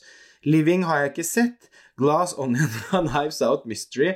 Eh, altså Ryan Johnson sin idérikdom eh, er noe jeg verdsetter. Når det er sagt, ja. så syns jeg jo Knives Out var mange ganger bedre enn denne oppfølgeren som jeg i og for seg hadde glede av som romjulsunderholdning. Men altså, jeg syns ja. bare dette er en skikkelig svak kategori i år. Eh, som sagt, jeg har ikke sett uh, Living. Uh, og den er jo skrevet av Kazui Shuguro, da, som er nobelprisvinnende ja. forfatter, så det, jo, det, er jo ikke utenkelig at, eh, at, eh, det er noen kvaliteter der. Du har vel sett filmen? Det stemmer. Jeg har det. Og, og jeg tror jeg hadde Jeg hadde nok kanskje også endt opp med å stemme på Living. Eh, og da hadde det vært i konkurranse med Women Talking, og så tror jeg Living hadde fått eh, The Edge fordi at nettopp dette eh, teateraspektet i Women Talking, da, at Living kjennes litt mer som en film. Og jeg syns det er et veldig, veldig Det er en veldig fin historie, og det er en en god manusjobb i bunnen der, syns jeg. Og for meg så vil, som sagt, da, Top Gun Maverick kjennes som en sånn OK, det er jo ikke en manusfilm i det hele tatt. All Quiet on the Western Front kjennes heller ikke som en manusfilm. Og Glass Onion vil alltid unektelig bli sammenlignet med Knives Out, som jeg likte bedre, og da kjennes det veldig sånn rart. Men, men litt på samme måte som at vi har snakket om at filmer er klippet i klopp, så er også Glass Onion litt sånn manus i mopp, på et vis. Fordi det er så utrolig skrevet. Og det er så mye snappy, snap, snap og, og ja. replikker og twists and turns som, som, man opplever som veldig et manus. Ja, også, for meg så er også Women Talking sånn der jeg syns det er en veldig skrevet, tenkt eh, film der replikkene har en Altså, jeg, jeg opplever de som veldig litterære, og at det er ikke sånn mennesker snakker med hverandre. Filmen er jo også plass Altså, det er jo ikke en film som foregår for 100 år siden, selv om det ser sånn ut. Den er vel satt til 2010. Eh, mm. Så det er bare noe underlig ved den, ved den filmen som jeg ikke klarer å, å, å, å se forbi.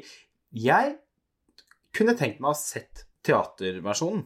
Altså, nå tror jeg ikke den Jeg, jeg vet ja, ikke om den eksisterer, men jeg har veldig tro på denne historien som et, uh, som et teaterstykke. Det er bare ja, som, som, film at det, det mislykkes sånn for meg. Jeg er selvfølgelig klar over at uh, den er at, at, veldig mange er begeistret uh, for den, men uh, har jo tross alt også registrert at det er mange som er tydelig negative til den.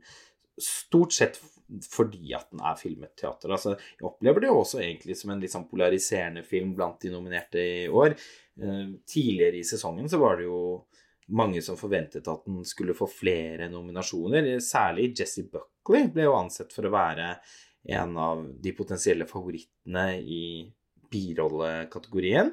Ja. Eh, men eh, det, det, skjedde ikke, og det skjønner jeg veldig godt. Jeg syns det var ganske mekaniske, litt sånn eh, flinke, tillærte rolleprestasjoner der man liksom skal vise, demonstrere hele sitt register på tilmålt antall minutter. Men, eh, ikk, men altså, den, den, regnes som storfavoritt i kategorien. Og jeg, jeg, forstår jo på en eller annen måte også hvorfor. Nettopp fordi, som du påpeker, at det er en veldig dialogtung og tross alt en film der manuset på en måte er i front. Og det kan man ikke si om Top Gun Maverick, uansett hvor godt man liker den. Nei, helt enig. Og jeg tenker at da kan vi på en måte bare enes om at vi, vi tror det blir women talking jeg hadde nok stemt på Living, det var min personlige mening. Men så får vi to i fellesskap håpe på at kanskje Nationaltheatret kan sette opp Women Talking som teater. For da hadde jeg kjøpt billett. Hvis du hadde fått et, skrapt sammen et godt ensemble av norske kvinnelige skuespillere som kunne gjort den filmen der, det tror jeg hadde blitt kjempebra. Enig. Eh, neste kategori er da ikke overraskende for beste originalmanus. Og her er de nominerte Everything, Everywhere, All at Once, The Banshees of Inisherin, Tar, The Fablemans og Ruben Østlunds Triangle of Sadness. Og her har vi noe så sjeldent som et historisk øyeblikk i Oscarsammenheng. Det er aller første gang at originalmanus overlapper 100% med beste regi. Og i tillegg har alle regissørene skrevet manus selv, riktignok sammen med noen Wow! Dette har jeg ikke tenkt på. Det er jo helt påfallende. Ja. Og det, det kjennes jo helt bananas at nå har jo Oscar holdt på i 152 år ca. Og allikevel er det første gang det skjer. Så bare det gjør jo at denne kategorien er mer spennende enn adoptert manus, som vi allerede på en måte har slakta litt nå. Men, men samtidig så er dette en av kategoriene Eh, som eh, Ikke pga. nominasjonene, egentlig, men pga. spådommene knyttet til hvem som kommer til å vinne og ikke, så er jo dette egentlig kategorien som virkelig ødelegger Oscar for meg i år. Fordi jeg syns altså det er så utrolig latterlig at ikke Tar er ansett for å være storfavoritt i denne kategorien. Det er, eh, tør jeg påstå, et av de beste manusene i en amerikansk film de siste 20 årene, kanskje. Wow. Ja, men det syns jeg ikke er noe kontroversielt å påpeke. Altså, Filmen er den mest kritikerroste amerikanske filmen i fjor. Og mm. det er jo en film som eh, appellerer til en liksom, intellektuell tilnærming som man naturligvis ikke forbinder med Oscar-akademiet. Men i og mm. med at de åpenbart er så begeistret for filmen ved å nominere ja. den i Er det seks kategorier? Ja. Og at den da Altså, det, det er den, den mest kritikerroste amerikanske filmen som ble laget i fjor. Så tenker jeg at dette er en kategori hvor den helt opplagt uh, skulle, skulle, vært uh, en, en, vinner. Tidligere var jo dette en kategori der man nettopp belønnet filmer som på en måte i utgangspunktet var for avanserte for, eh, for Oscar. Eh, og som man kanskje nominerte litt for syns skyld i andre kategorier, men som alle som, som følger med, skjønte at ikke egentlig hadde noen sjanse. Med unntagen denne kategorien. Og nå mm. er det naturligvis eh, sånn at Kate Blanchett i lang tid har vært ansett som Eh, frontrunner i kategorien for beste kvinnelige skuespiller for samme film. Men eh, for meg er dette altså en eh, ikke bare en uløselig gåte, men en, men en krise, en katastrofe. Everything Everywhere All At Once er favoritt til å vinne beste originalmanus. Det er øh, til dels også The Banshees of Inisherin, men altså ikke Tar. Jeg orker det ikke. Så her er det bare full kamikaze for meg. Hvis den ikke vinner, så håper jeg den verste vinner. Ja, da blir det Banshees. Altså, jeg tror på et eller annet vis at Tar lider litt jeg, jeg tror at Tar lider litt av at den foregående kategorien er litt svak, på et vis. Det høres kanskje rart ut, men nå har jeg akkurat poengtert at det er første gang i historien at regi overlapper med originalmanus. Alle regissørene har skrevet manus selv. Det, det kjennes som at sånn Akademiet som, som gruppe har på en måte bestemt at sånn Wow, det er her det gjelder. Det er denne kategorien som gjelder. Og da, da stiller de på et eller annet vis litt likere, da. Og hvis Tar hadde vært en, en adaptasjon, så tror jeg at den hadde vært far and away the frontrunner i den kategorien i år. Og så lider den bare litt av at i, i år Altså av at den er en, et originalmanus. Og der har den plutselig mye konkurranse. Eh, ikke fordi at jeg tror at Triangle of Sadness har noe, har noe sjanse til å vinne nødvendigvis, men fordi at, som vi sa tidligere i dag, at en stund her så så det jo ut som at dette skulle bli et two horse race for beste film mellom Everything Ever All At Once og Banshees of Inisherin. Og begge de to er originalmanus. Og da eh, havnet Har litt sånn automatisk på tredjeplass, fordi akademiet er akademiet. Og de er opptatt av sånne ting, eh, som et kollektiv, på et eller annet vis. Uansett hvor For meg så blir jo dette litt sånn som å si at Margit uh, Sandemo er bedre enn Linn Ullmann, eller at uh, Jørn Lier Horst overgår Dag Solstad.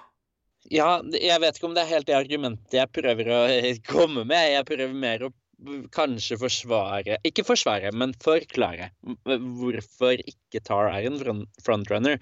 Jeg har akkurat sett Tar eh, for noen dager siden, og jeg er enig med deg. Det er jo jeg, Eller kanskje ikke 100% enig med deg, men jeg syns også det er et voldsomt bra manus. Og hvis Todd Field ropes opp på scenen på søndag som vinner av den prisen, så kommer jeg til å klappe høyt. Ja, for du, eh. det, altså, Jeg håper ikke du har en annen favoritt i denne kategorien nå. Nei, nei. Nei, det har jeg ikke. Jeg hadde stemt på Trump. du skal selvfølgelig få lov til å ha det, jeg bare spisser nei, jo, retorikken. Men, ja, ja. Nei, jeg hadde stemt på, på Tar, men på et, altså, det er bare én film i denne kategorien som jeg liksom misliker. Så, ja, det, og, og, når man da først er i en situasjon hvor liksom, jeg tror ikke at Tar kommer til å vinne Sånn at jeg, Nei, jeg, jeg tror ikke den har sjans. Eh, det eneste som kan skje, er at stemmene mellom Everything Everywhere og The Banshees of Inisherin splitter seg. Mm. For det kan skje. Og da ja. er det jo Tar som nødvendigvis ja. vil stige fram. Det ville vært kveldens flotteste øyeblikk. Eh, jeg tror faktisk at Banshees of Inisherin vinner denne prisen. Jeg tenker at det blir den Jeg tror ikke den kan forlate denne utdelingen uten en eneste pris, med tanke på hvor mye entusiasme det har vært knyttet til den i månedsvis. Jeg har litt sånn vondt for å, for å se for meg det. Og så er det også en kategori for beste kvinnelig birolle der den plutselig har fått en slags sjanse. Eh, I løpet av de siste ukene, det skal vi jo nødvendigvis komme tilbake til, men jeg tenker at eh, enten Altså, hvis Everything Everywhere blir en sånn It's a clean sweep, som ja. Steven Spielberg sa da han delte ut prisen for beste film til eh, 'Ringenes herre' atter en konge, da er det jo det som skjer. Men jeg vet ikke. Har, selv om vinden blåser i den retningen nå, så har det jo vært lite av det de siste årene. Eh, altså, sist vi hadde et sånt år, var jo egentlig La La Land-året. Som da på en måte gikk i en ny retning helt til slutt, da Moonlight vant beste film. Ja, for det er jo ikke det engang. Og det er litt interessant at du sier det, for jeg sitter jo litt på statistikk, da, vet du, som jeg pleier å gjøre. Og sist man virkelig hadde en sånn ordentlig mastodont som vant virkelig mye, det var da Slumdog Millionaire vant åtte priser. Nettopp. Og Men vant ikke det... også La La Land åtte priser? Nei, Jeg beklager å måtte si det, men den vant ikke det. altså. Fordi siden Slumdog Millionaire vant åtte, så er det meste noen har vunnet seks priser. Og det er jo selvfølgelig ikke lite det heller. Mad Max Fury Road vant seks priser, f.eks. Ja, men Dune Men- vant også seks priser. Ja. Men det Ja. blir jo de, de var jo likevel på en måte eh, ikke å regne som kveldens store vinner fordi at de ikke fikk tilgang til det, det som man anser for å være de gjeveste prisene, da. Nei, nettopp. Og eh, man kan jo, når man snakker om clean sweep, så gjorde jo Koda det. De vant tre av tre, de. Men ikke sant, det er jo fortsatt bare tre priser. Og, så det- man skal Det var litt mer tilbake- imponerende med 'Ringenes herre' og elleve nominasjoner og elleve priser. Ja.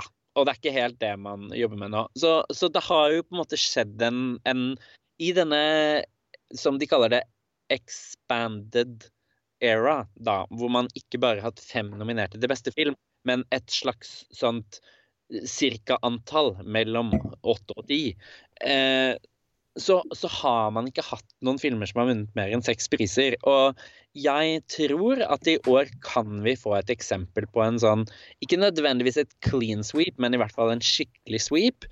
Hvor jeg tror at Everything Everywhere All At Once kan ha peaket på akkurat riktig tidspunkt, Mm. og plutselig sveipe med seg veldig, veldig mange priser. Og i så fall Inkludert det originalmanus.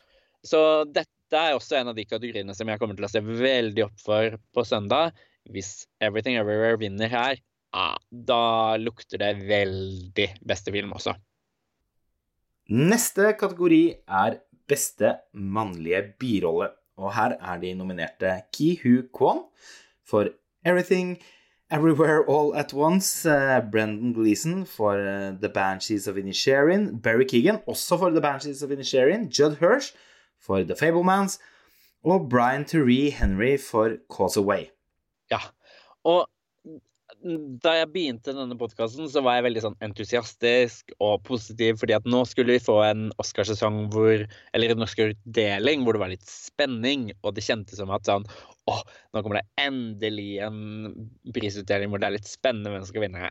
Akkurat i denne kategorien her ikke egentlig så spennende, fordi Ki Høy Kwan er jo å regne som storfavoritt, og jeg kan ikke skjønne noe annet enn at han vinner den Oscar-prisen.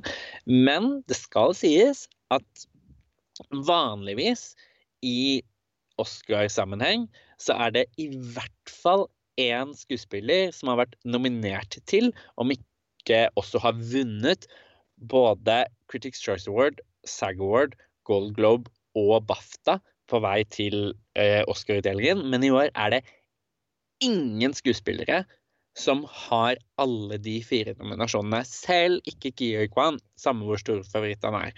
Så eh, hvis jeg skal prøve å på en måte bygge opp noe spenning i denne kategorien, så er det sånn Kanskje ikke det blir han, men det, det blir han. Ja, det tenker jeg at det blir. Og det er en veldig skjønn rolleprestasjon i en, ja, etter min smak overvurdert eh, og rørete, slitsom film. Men eh, eh, det, jeg tenker at det er en, i og for seg en fortjent uh, pris. Jeg ville nok eh, stemt på Judd Hirsch uh, for The Fablemans. Ikke minst Ja. fordi jeg syns at det er en ekte birolle. Ja. Enda gjevere hadde det vært om de nominerte David Lynch for hans uh, rolleprestasjon som John Ford mot slutten av The Fablemans. Altså, skuespillere har tidligere vunnet Oscar for ikke veldig mange flere minutter uh, foran kamera. Men det snakket vi masse om i den forrige episoden, så vi kan gjøre dette litt mer effektivt eh, nå. Og ja, jeg, jeg tror som deg at uh, Kehi Kwan vinner den prisen. eh, og i et, i et drømmeunivers så ville det blitt Judd Hirsch. eh, men eh, det kommer aldri i verden til å skje. Nei, jeg For denne kategorien, da nominasjonen kom, så var det helt sånn opplest og vedtatt at det kom til å bli Kihi Kwan, Brennan Gleeson og Bear Keegan.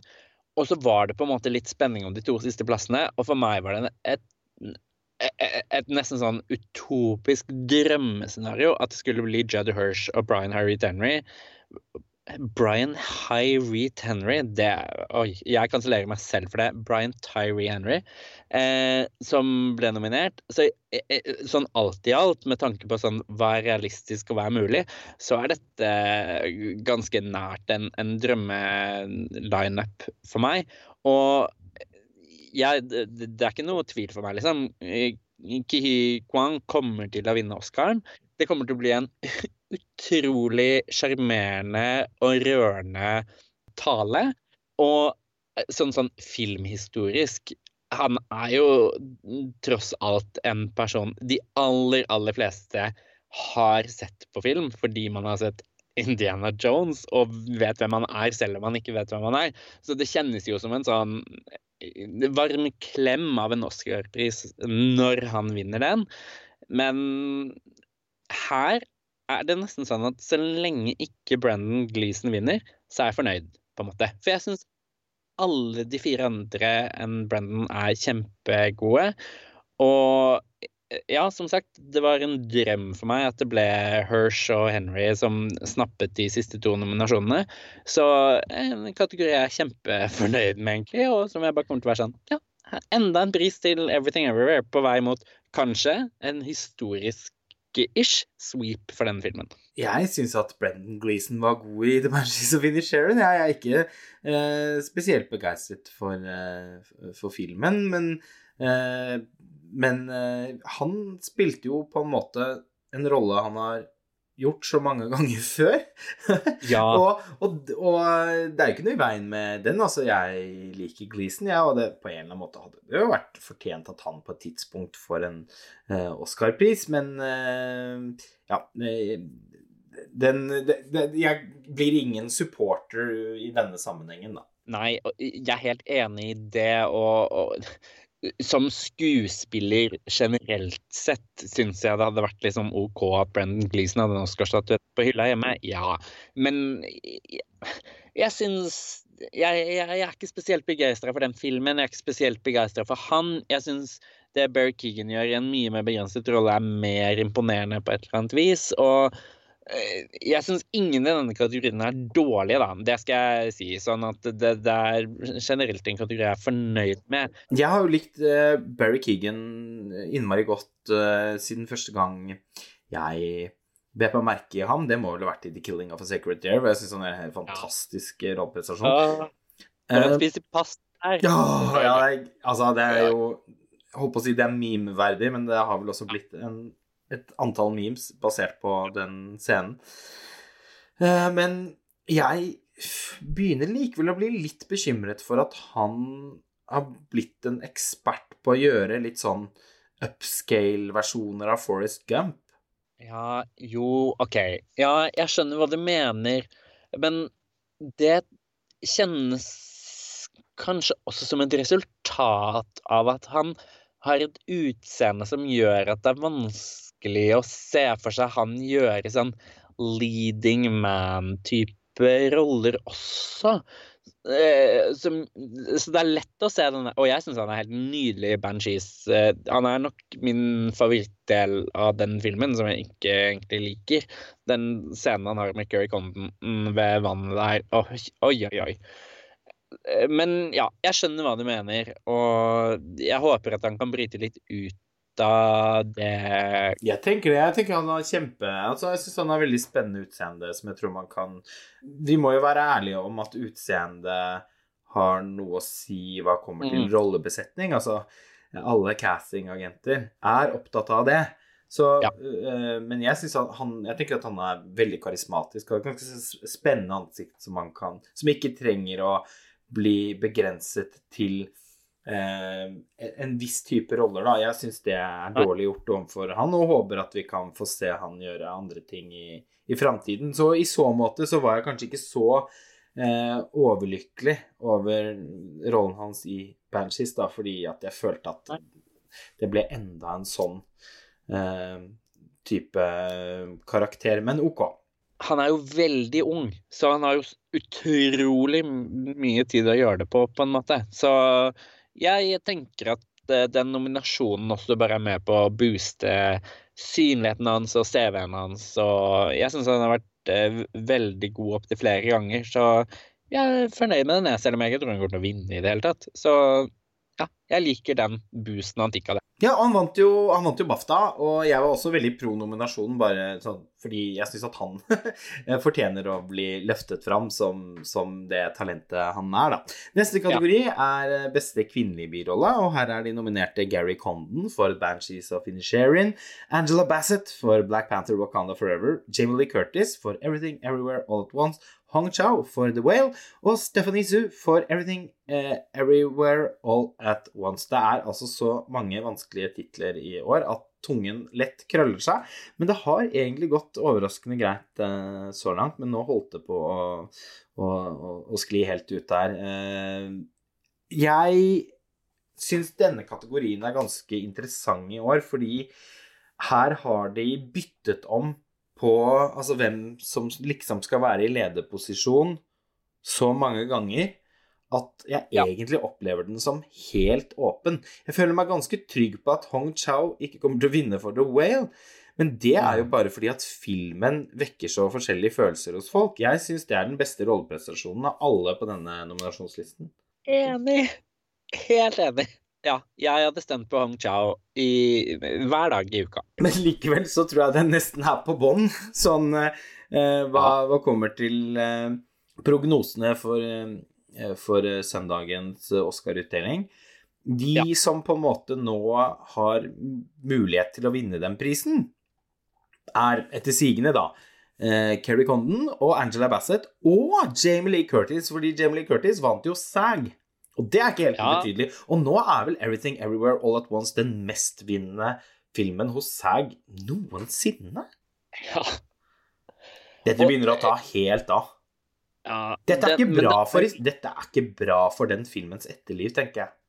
Nei, og det er jo det litt jeg har nevnt tidligere, at jeg tror den kan ha piket på akkurat riktig øyeblikk, hvis man tenker i Oscarsammenheng.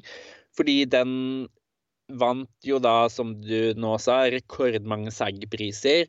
Den har gjort det på en måte veldig bra i akkurat denne perioden. Nå, stem, nå avsluttet de Oscar-avstemmingen i, i, går, eller i forgårs.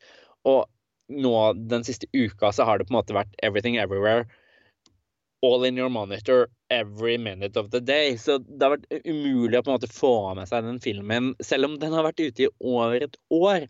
Det er nesten helt utrolig, og det er jo oppløftende, da, at en film kan Veldig. holde hjulene i gang på den måten i Oscarsesongen, fordi normalt så er det jo filmer som har premiere i sånn, ja, november-desember på mest strategiske vis, som eh, blir eh, husket av Eh, mer og mer demente akademimedlemmer. Men mer og mer, så her er det vel egentlig mer riktig å si mindre og mindre, fordi at det har jo vært en aldersutskiftning i akademiet de siste årene som sikkert har uh, hatt noe for seg.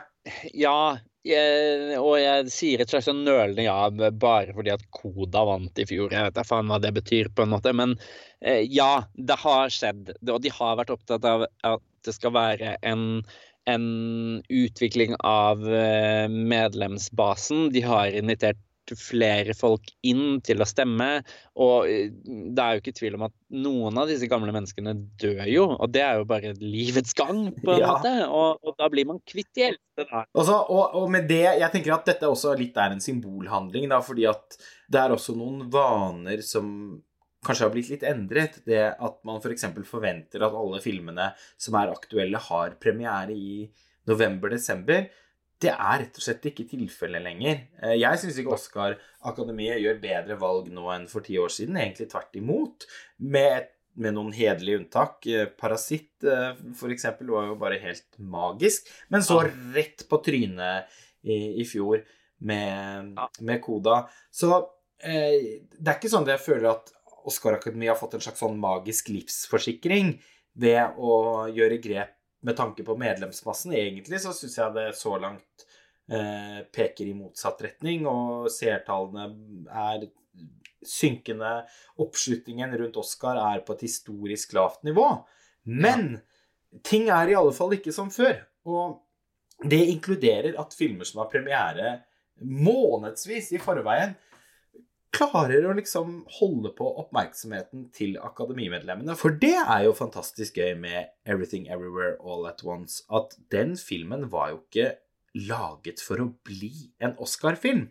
Den har helt organisk blitt en kulthit, på en måte, som har nådd et mye bredere publikum enn noen trodde var mulig, og som helt klart appellerer til noen endrede preferanser i kulturen, som ikke minst har med uh, Marvel sine altså fortellerstil um, å, å, å, gjøre. Det er jo en multiverse-film og en slags liksom, satire over den på en måte fasen av filmhistorien som Marvel-årene uh, kommer til å, å, utgjøre.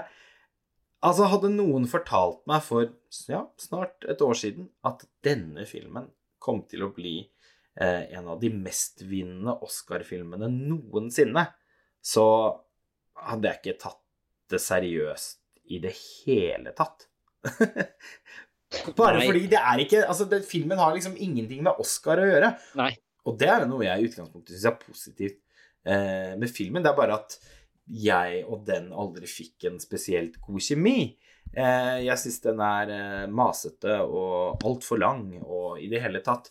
Men den appellerer ikke til min smak, enkelt, og greit. Men vil du ikke også samtidig heller at en sånn film gjør seg gjeldende i Oscar-avstemmingen enn noe som på en måte er som en sånn punkt-til-punkt-tegning av en Oscar-film som slippes i desember, blir Oscar-vinneren, liksom. Det er noe med det som gjør at jeg syns det er så gøy, og som gjør at jeg heier på den filmen, fordi den er så åpenbart ikke lagd for å vinne Oscar.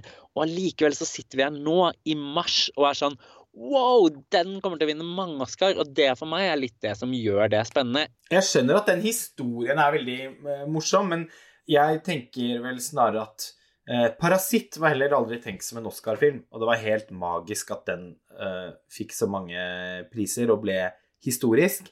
men det er jo en film på et helt annet kunstnerisk nivå enn det denne er, da. Jeg syns jo på en måte at det blir også litt i overkant tøysete, og jeg tenker at det kommer til å ramme denne filmens etterliv, på en måte. Det at hvis den soper med seg åtte Oscar-priser og alle og satt SAG-rekord og i det hele tatt blir løft... Altså, det Jeg vet ikke helt om det gjør denne filmen noen tjenester i et historisk perspektiv, fordi at det også frarøver den en kulhet som den i utgangspunktet hadde. Absolutt, men det tror jeg også vil være tilfellet for de aller fleste. fordi hvis man ser på hva slags filmer som har blitt liksom en kulthit, så er jo det filmer som ikke har gjort seg gjeldende i dette landskapet i det hele tatt.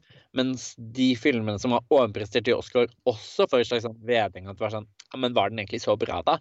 Og den, den, klarer på et eller annet vis å gjøre begge deler, for den er egentlig så kul at den får den derre 'dette var en fet film', og hvis den nå ender opp med å vinne så mange Oscar som vi kanskje tror at den kommer til å gjøre, så får den det kred-vedhenget også.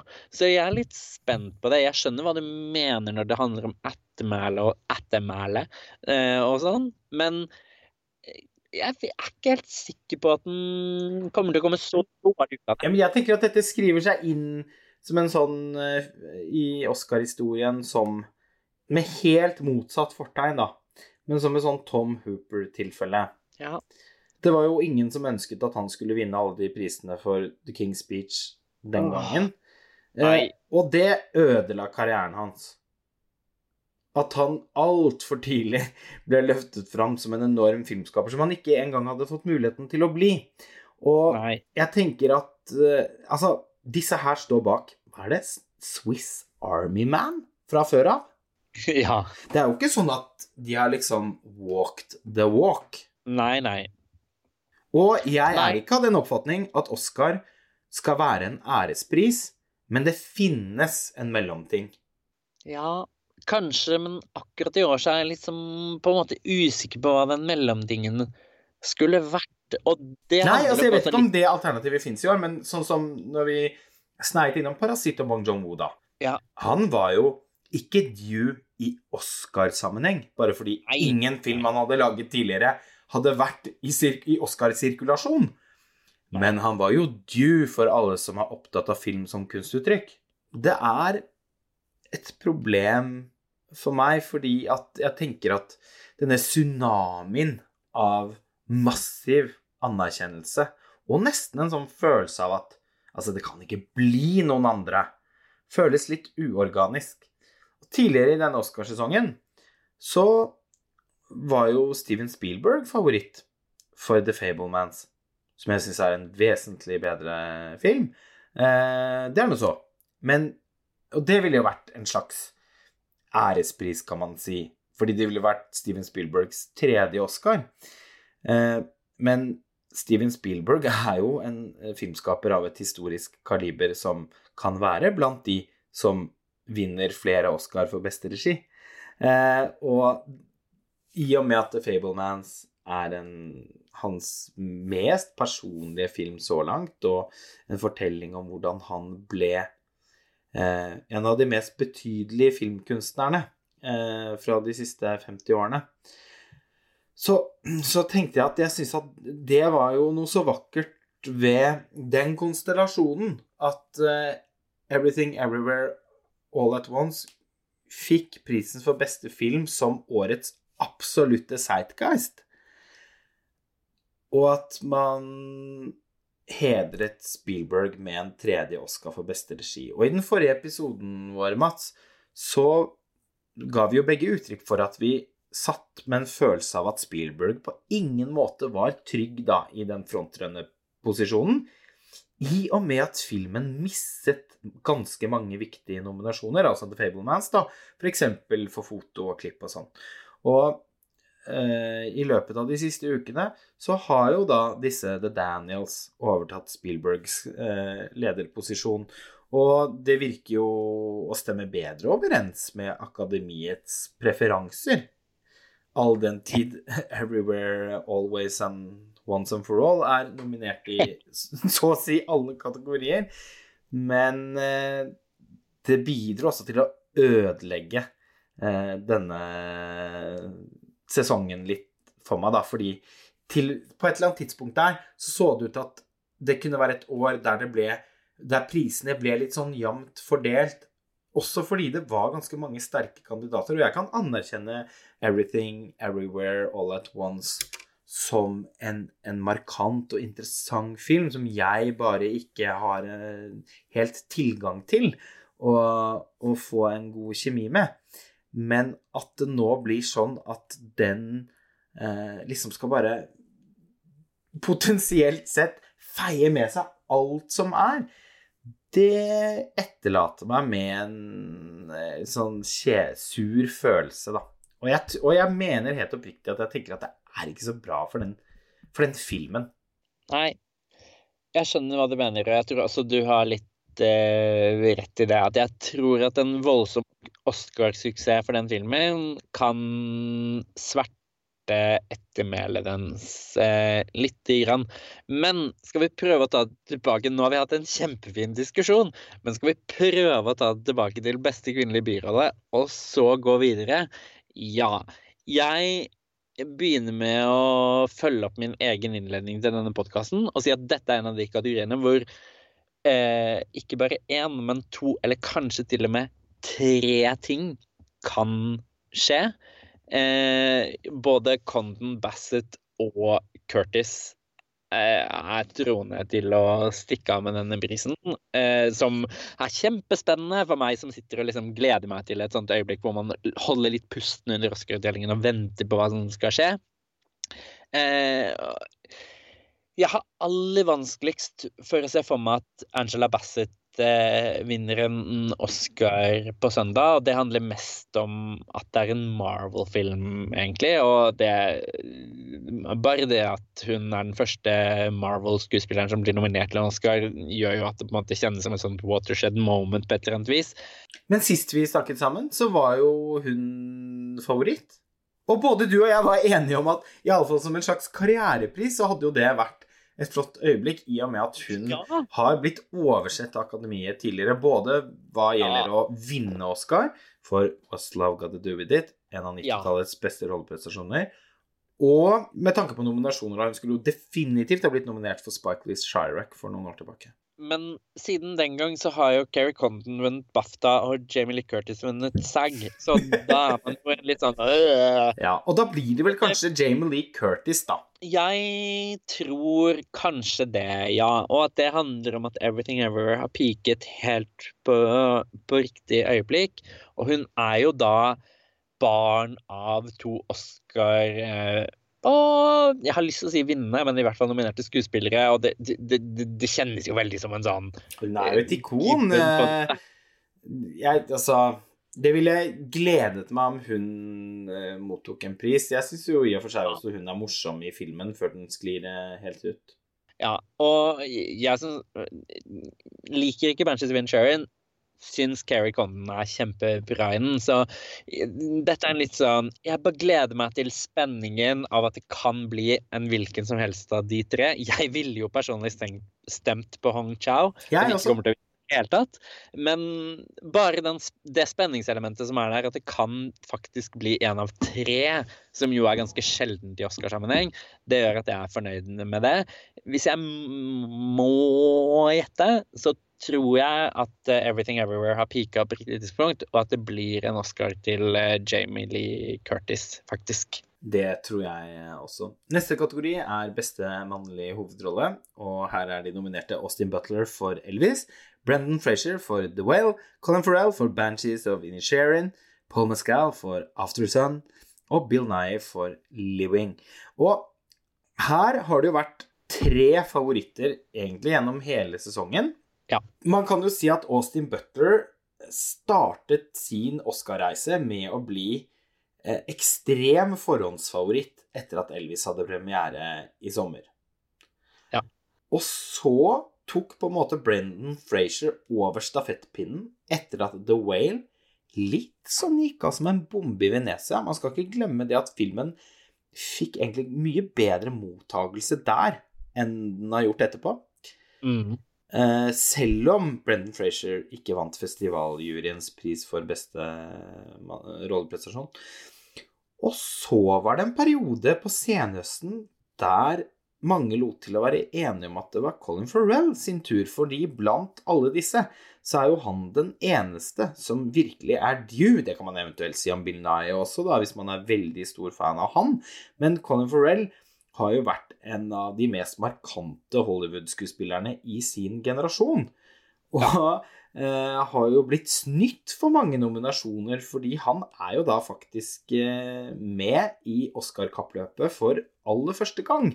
Og mange antok på et tidspunkt at dette var en gyllen anledning til å gi han en, eh, en litt sånn overdue eh, for Egentlig, jeg tenker ikke at Oscaren i seg selv nødvendigvis er overdue, men Oscar, en Oscar-nominasjon, det, Ja. det er på høy tid. Eh, Men så, i løpet av de siste ukene, så har på en måte Colin Farrell fordunstet litt. Det ble jo særlig understreket av at eh, Austin Butler vant BAFTA. BAFTA-prisen historisk sett har jo vært ganske glad i å belønne briter. Ja. Så når også de gikk for Elvis, så ja, men forsvant Farrell eh, litt, og nå er det på en måte da en, eh, en, en fight mellom Austin Butler og Brendan Frazier. Ja, men så er vel Colin Farrell strength, strength talt eh, ire, eller? Ja, Eh, naturligvis. Men eh, samme øylandskap. ja.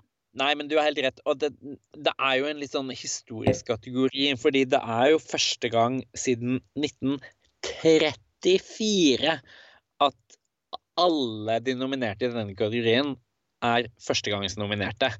Og bare det i seg selv er jo en helt sånn Hvis man faktisk tenker litt over det, så høres det helt bananas ut. Men sånn er det.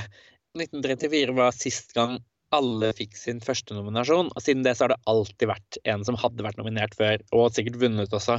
Mens nå er det første gang. Og Paul Mescal var jo på en måte sånn sett overraskelsen da nominasjonene kom, selv om en del spådde han, så var det jo noen som tenkte at sånn Nei, Tom Cruise skal med for Top Gun Maverick fordi han har vært nominert før, og det er alltid en i denne kategorien som har vært nominert før. Uh, og det gjør jo også at jeg syns det er litt sånn ekstra gøy med den kategorien, fordi alle disse gutta sitter der og kjenner på den følelsen av å være nominert for aller første gang. Og det går jo ikke an å tenke seg noe annet enn at det er en ekstra spesiell følelse. Så selv om Bill Nye selvfølgelig har kjent på det, det å være skuespiller lenger enn Paul Mescal har levd, så må jo den følelsen av å sitte i Dolby Theater og vite at sånn Å, nå skal de lese navnet mitt som er nominert. Det må jo være Det må være noe eget ved det. Og jeg syns det er litt kult da at noen av disse statistikkene og tradisjonene faller til slutt. Fordi det gjør jo alle. Eh, og det er litt deilig sånn sett at vi nå har en, et scenario hvor den som ropes opp som vinner på søndag, det er ikke bare første gang han vinner en Oscar, det er første gang han har muligheten. Og det syns jeg er litt eh, ekstra gøy, altså. Jeg må Ja, det, innrømme det. altså, det er kjempekult. Eh, og altså Blant filmene som er i spill her, så er jo den eneste som jeg virkelig syns er et mesterverk, eh, Charlotte Wells' 'Aftersun'. Og eh, Paul Mescal gjør en helt nydelig, veldig bevegende rolleprestasjon i den eh, filmen. Men jeg er også kjempefan av Elvis. Og siden jeg så Austin Butler fortolke Elvis i fjor sommer for første gang, så har jeg nesten blitt helt hjemsøkt av den rolleprestasjonen. Jeg syns jeg kan nesten ikke begripe hvor god eh, den er. Og det, dette handler jo også om at det er en skuespiller som eh, tidligere ikke har hatt muligheten til å gjøre noe sånt. Altså, jeg har, husker første gang jeg så Austin Butler, det tror jeg var i The Carrie Diaries, altså denne spin-off-serien til Sex and the City på Netflix, som jeg syns er ganske undervurdert, faktisk. Eh, Særlig den første sesongen syns jeg er innmari, innmari god. Eh, og, og en veldig god rolleprestasjon av Anna Sophia Robb. Men eh, det var første gang jeg så han, tror jeg. Og så dukket han jo også opp i Once Upon a Time in Hollywood, men det er på en måte ingenting som har kunnet forberede oss på Elvis. Og da jeg så filmen for første gang, så tok jeg for gitt at han ikke sang selv. Og, og jeg var akkurat like imponert, på, på en måte. Men da jeg eh, leste noen intervjuer og skjønte at det faktisk også var tilfellet, da tenkte jeg at Ja. dette her er eh, helt spesielt. Og min, derfor min soleklare favoritt i kategorien. Heldigvis så tror jeg også at han vinner. Ja, altså hvis Rami Malek kan vinne Oscar for Bohemian Rhapsody, så, så kjennes det jo helt eh, som blasfemi at ikke Austin Butler skal vinne for Elvis, eh, på en måte. Men eh, ja, å, det er et eller annet som gjør at jeg tror at det kan hende det blir Brendan Fraser til slutt. Og det knytter jo tilbake til dette med at jeg syns det faktisk er litt spenning i år. Og jeg syns ikke det er liksom walkover til Austin Butler, ei heller til Brendan Fraser, men det blir en av de to. Og jeg syns det er skikkelig vanskelig, faktisk. Denne kategorien her ah, ah, Dette er en av de to kategoriene. Jeg det er absolutt vanskeligst eh, å spå. Ja, det blir råspennende, og jeg blir også rørt hvis Brendan Fraser vinner for sin nydelige rolleprestasjon i The Whale.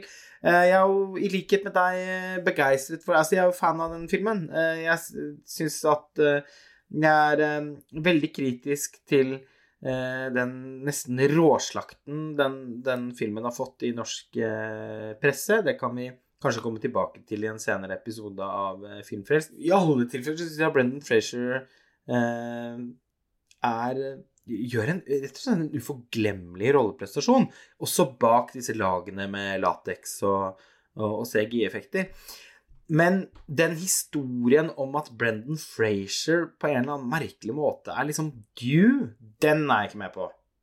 Nei, absolutt ikke. Jeg syns heller ikke han er due, men jeg tror det ligger et eller annet i det at Brendan Fraser har i, i det minste vært en del av Hollywood i veldig mange år.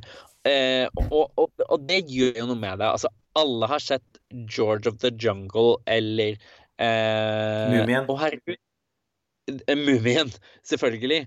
Eh, og, og, og, vet at han har vært en del av Hollywood i alle disse årene. Så jeg tror det er mer det. Jeg tror det er veldig få som har sett en tidlig Brandon Fraser-rolle og tenkt sånn åh, han burde vunnet Oscar for den, for det tror jeg ikke det er noen som syns. Men nå har man på en måte hentet fram en sånn tro tjener på et eller annet vis, som endelig får vise at det bor noe i han som er verdig en pris. Og det er, det er vanskelig Altså, dette er den kategorien hvor jeg er sånn Uansett hvem som vinner, så kommer jeg til å tenke at det var fortjent. Enten pga. lang og tro tjeneste, på en måte, eller rolleprestasjon, eller begge deler. Og så kommer jeg til å tenke at det er i hvert fall én som sitter der igjen i salen og tenker sånn Fuck, det burde vært meg, ass. Og, så dette er liksom en win-win, lose-lose-kategori for min del. Jeg tror akkurat nå i dette øyeblikk at det blir Brendan Fraser, faktisk. Um, med Austin Butler som en andre kandidat på et eller annet vis. Og Hvis jeg skulle valgt selv, så Nei, det, vet, det syns jeg nesten er umulig å svare på, faktisk. For en gangs skyld. Neste kategori er beste kvinnelige skuespiller, og her er de nominerte Michelle Yeoh for Everything Everywhere All At Once, Cape Blanchett for Tar, Andrea Riceborough for To Leslie, Michelle Williams for The Fablemans og Anna Diarmas for Blonde. En veldig sterk kategori i år, får man si. Ja, og Men samme hvor sterk den er, så koker det jo på et eller annet vis også bare ned til to kandidater og en sånn honorable mention som mer handler om uh, the circumstance uh, heller enn virkelig liksom vinnersjanse, eller hva? Det får man si. Andrea Riceborough ble jo nominert for To Leslie, og det uh, har blitt veldig kontroversielt fordi mange opplevde det som på en måte nepotisme, da. Ja. Uh, det var mange fremtredende skuespillere som aktivt gikk ut for å være en Riceborough-supporter for en film ingen egentlig hadde forestilt seg at skulle være en del av Oscar-kappløpet. Michelle Williams i The Fablemans er jo egentlig en birolle. Ja. Eh, og hadde hun vært plassert i den kategorien, så tror jeg hun hadde vunnet. Så det er jo egentlig litt trist at de at, ja, at de ikke har skjønt at det ville vært mye mer strategisk å plassere henne der. Anna Diarmas eh, er helt magisk i Blonde, som jeg syns er en helt fantastisk eh, og dypt misforstått eh, film. Men Ja. jeg er jo bare overlykkelig for at hun har blitt nominert. Hun burde også fått en nominasjon for noen år tilbake for Knives Out. Så Kanskje det. Ja, det vil jeg påstå. Eh, så sånn sett så er det Var det fint å bare se at eh, akademiet, eller altså filmarbeiderne i Hollywood, har fulgt med på henne. Eh, fordi hvis ikke det var tilfellet, så tror jeg ikke hun hadde blitt nominert for en film som er så kontroversiell. Eh, men eh, det ble hun, og i en drømmeverden så hadde dette her vært eh, For, for min del da, så ville dette her vært et kappløp mellom henne og Kate Blanchett. Ikke et vondt år Michelle Yeoh, som er en skuespiller som jeg er veldig begeistret for, og som jeg syns gjør en helt nydelig rolle i Everything eh, eh, Everywhere All At Once. Men, eh, men, men likevel ikke eh, av et kaliber som jeg syns kan måle seg med verken Anna Diarmas i Blond eller Kate Blanchett i Tar, som lenge har vært favoritt. Men som du har påpekt flere ganger nå, Mats, så er det nå eh, så, så, så kan man liksom kjenne at uh, Everything Everywhere All At Once er i ferd med å liksom på en måte eh, nå sin andre bølge. Ja. uh, og med den så skyldes også Michelle Yeo i, i land, på en måte. Hun Blant veldig mange nå så er hun ansett for å være favoritt. Eh, men eh, det jeg, jeg vet ikke. Jeg kjøper det ikke. Jeg tror dette blir en sånn Chadwick Boseman, Anthony Hopkins-situasjon. Det året under pandemien så var det jo på en måte blitt bestemt at Chadwick Boseman skulle vinne for Marainis Black Bottom. En film som vel Den fikk jo også noen andre nominasjoner. Eh, Ja, Utrolig nok for beste produksjonsdesign, eh, husker jeg. Selv om eh, det faktisk var helt spesielt dårlig i den filmen. Apropos hvor useriøs denne prisen kan være på sitt verste. Men i alle fall så var det litt sånn bestemt at Shadowy Boseman skulle vinne prisen fordi han var død, og fordi han eh, ikke var hvit. Mm. Men det skjedde jo ikke, fordi Anthony Hopkins sin rolleprestasjon i The Father var jo så himmelropende sterk Ja, ja. at skuespillerne stemte selvfølgelig på han. Og Ja. eh, nå syns jeg jo Michelle Yeo er vesentlig bedre i Everything Everywhere enn det Shadwick Bosman var i My Rainings Black Bottom. Ja. Eller bare sa gjør mye mer inntrykk. Men, men eh, jeg syns nok likevel at det er en Altså, Kate Blanchett gjør sin beste Altså, hun er min Blant alle nålevende skuespillere i Hollywood så er Altså, hun er australsk eh, opprinnelig, da, men er jo gjør, spiller stort sett i amerikansk film. Ja. Så er hun min favoritt. Og dette er, i mine og veldig mange andres øyne, hennes fremste rolle noensinne. Og da hjelper det ikke at hun har vunnet to Oscar fra før av, fordi det, prisen skal jo belønne de fremste prestasjonene, skal den ikke det? Jo.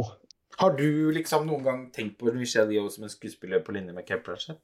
Nei, nei, nei, nei, nei, nei, nei, nei. Absolutt ikke. Og etter å ha sett Tar, så, så tenkte jeg jo uh, Kate Blanchett er jo den beste. Det må være lov å si at hun er det. Ja, ja, men rett og slett. Og det kjennes helt sånn åpenbart at uh, Altså, hvis, hvis Kate Blanchett vinner en tredje Oscar for Tar, det går jo ikke an å ta noen på det.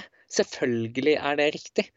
Uh, men så har jo også Kate Blanchett vært en sånn person som har gitt uttrykk for at hun syns at priser og det å vurdere noen som bedre enn noe annet, det betyr ikke så innmari mye for henne. Og Nei, hun er jo for kul også for dette, egentlig. ja, og jeg tror på henne når hun sier det. Hun har allerede to Oscarstatuetter hjemme på hylla. Hun, hun blåser Hun litt i om hun får en til. Nei. Altså, nei, det skulle ikke forundre meg et dugg om hun har sittet hjemme og stemt på Michelle Yeoh. Nei, og det tror jeg så gjerne. Så, og jeg tror at hvis de roper opp Michelle Yeoh som vinner på, på søndag, så kommer Kate Blanchett til å være den som klapper høyest Ja, ja, hun kommer til å reise seg fra stolen og klappe av hele sitt hjerte. Og det kommer til å være et vakkert øyeblikk, eh, eh, det Ja, ja. også. Og altså, jeg har et kjempepositivt forhold til Michelle Yeo Altså, ja, Snikende tiger, skjult drage til Ang. Lee. Den er jo helt fantastisk og superviktig film for vår eh, generasjon.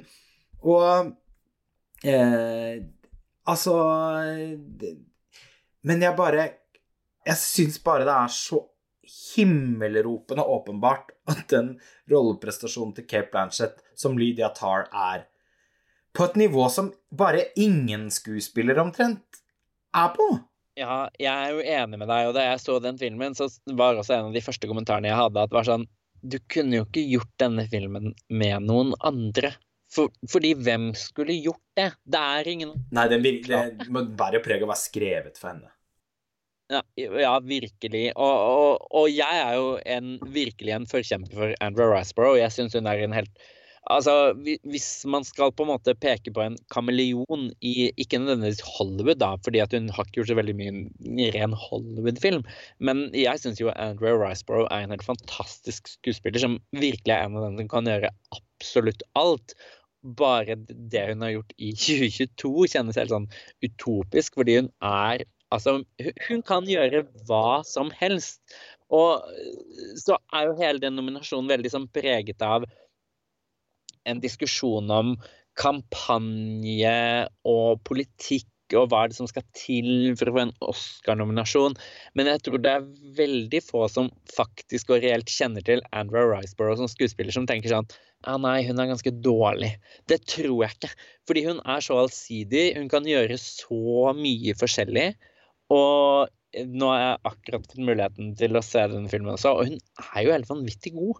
Og så blir jo litt av problematikken i denne diskusjonen at man følte veldig at eh, Michelle Yeo og Kate Blanchett var på en måte selvskrevne. Og så var det litt sånn at Viola Davis og Daniel Deadweiler også skulle være selvskrevne. Og så var det én ledig plass. Og så viste det seg jo at nei, det var ingenting av det var tilfellet. Fordi her kunne alt skje i den kategorien. Og så endte man opp uten en eneste svart skuespiller. Og så ble det et veldig sånn stort ankepunkt mot denne kategorien. Og jeg er jo en av de som du mener at har misforstått Blond. Kanskje fordi jeg kunne levd med at ikke Ana Dermas ble nominert for denne filmen. Er det fordi du misliker filmen, eller fordi du misliker hennes rolleprestasjon? Jeg syns den rolleprestasjonen er helt uh, utrolig god. Jeg kan, kan, nesten ikke forstå Jeg skulle spent på å høre hva hun ikke får til der.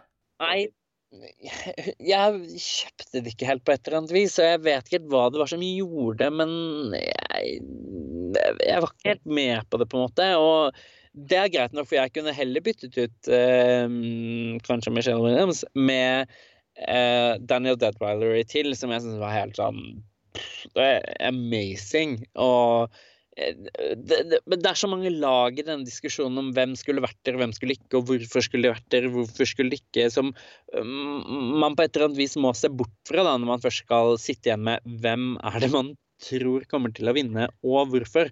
Ja, for Hvis det skal handle om representasjon, da så er jo Anna Diarmes er jo cubaner. Ja da, men hun er ikke Viola Davis, på en måte.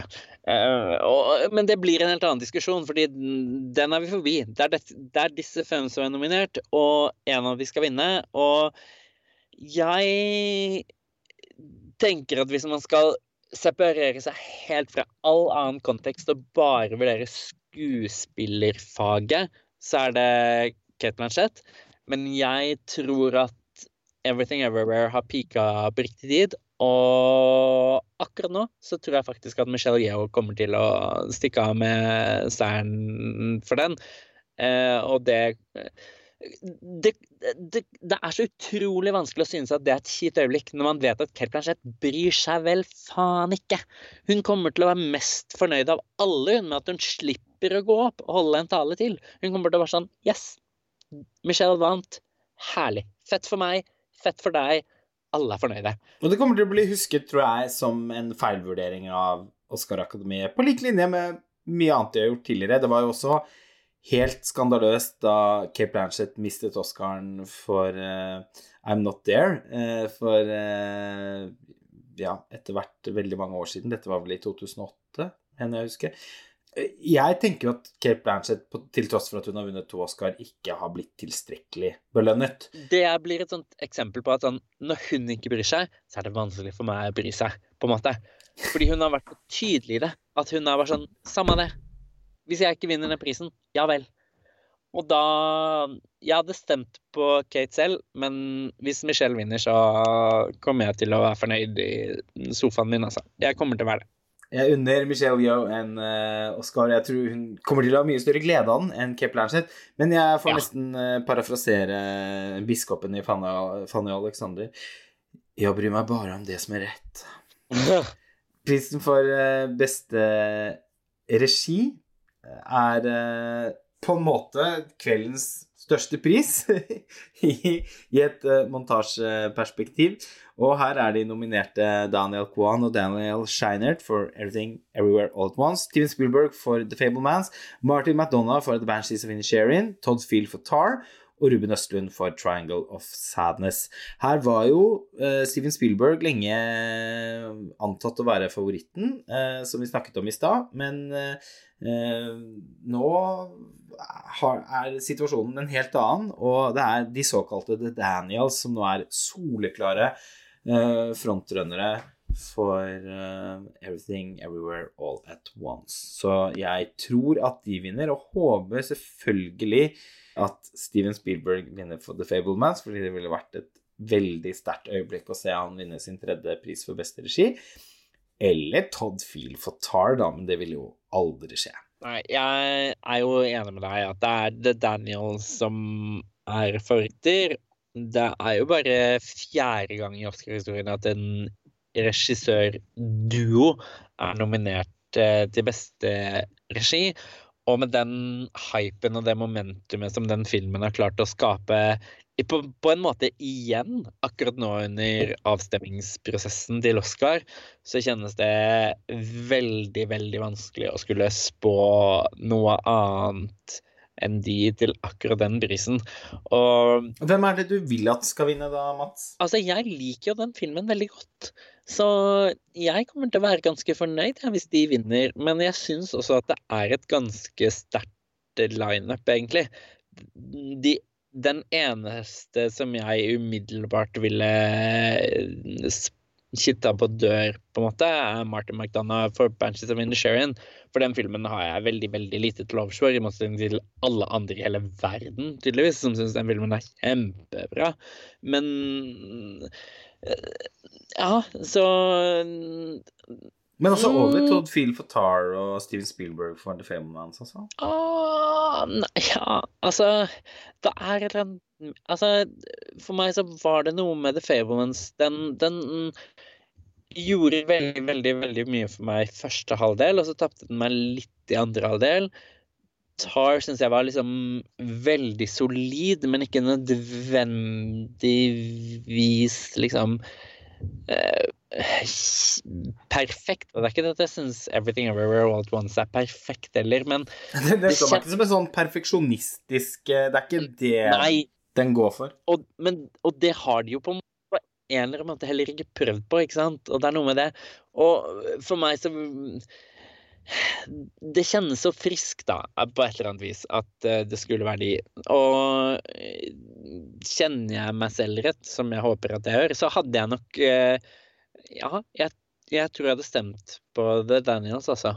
Og, og litt av det hadde nok kanskje vært for å prøve å skape en motvekt til Koda også. Fordi at det syns jeg var helt sånn grusomt at den skulle vinne beste film. Og så blir jo det selvfølgelig veldig rart å si sånn Å ja, så da skal du gi regiprisen neste år til noen andre enn det? Fordi hun var ikke nominert til regi engang. Nei, Nei. Men Det var jo ja. veldig påfallende i fjor at hun ikke var det, altså regissøren av Koda, da. Selvfølgelig var hun ikke det.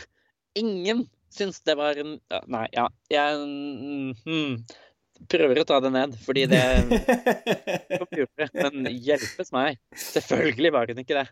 Nei, jeg jeg tror rett og slett at jeg har stemt på det, Daniels, altså. Og kommer til å være veldig fornøyd hvis og når de vinner den prisen på søndag. Men er du da like stor fan av den Swiss Army Man? Det er vel den eneste spillefilmen de har laget fra før av, eller? Ja, jeg likte den veldig godt, altså. Jeg gjorde det. Det må jeg si. Men, og, og, det er jo litt den derre Jeg syns jo ikke at regiprisen på Oscar bare skal gå til folk som er due, som har lagd fem gode filmer på hverandre. Det, må det blir jo Nei, altså Todd Field er jo heller ikke due. Eh, det, han har jo hatt et sånt et, litt sånn overraskende comeback, egentlig, med Tar etter å ha forsvunnet etter Little Children for gud vet hvor mange år siden.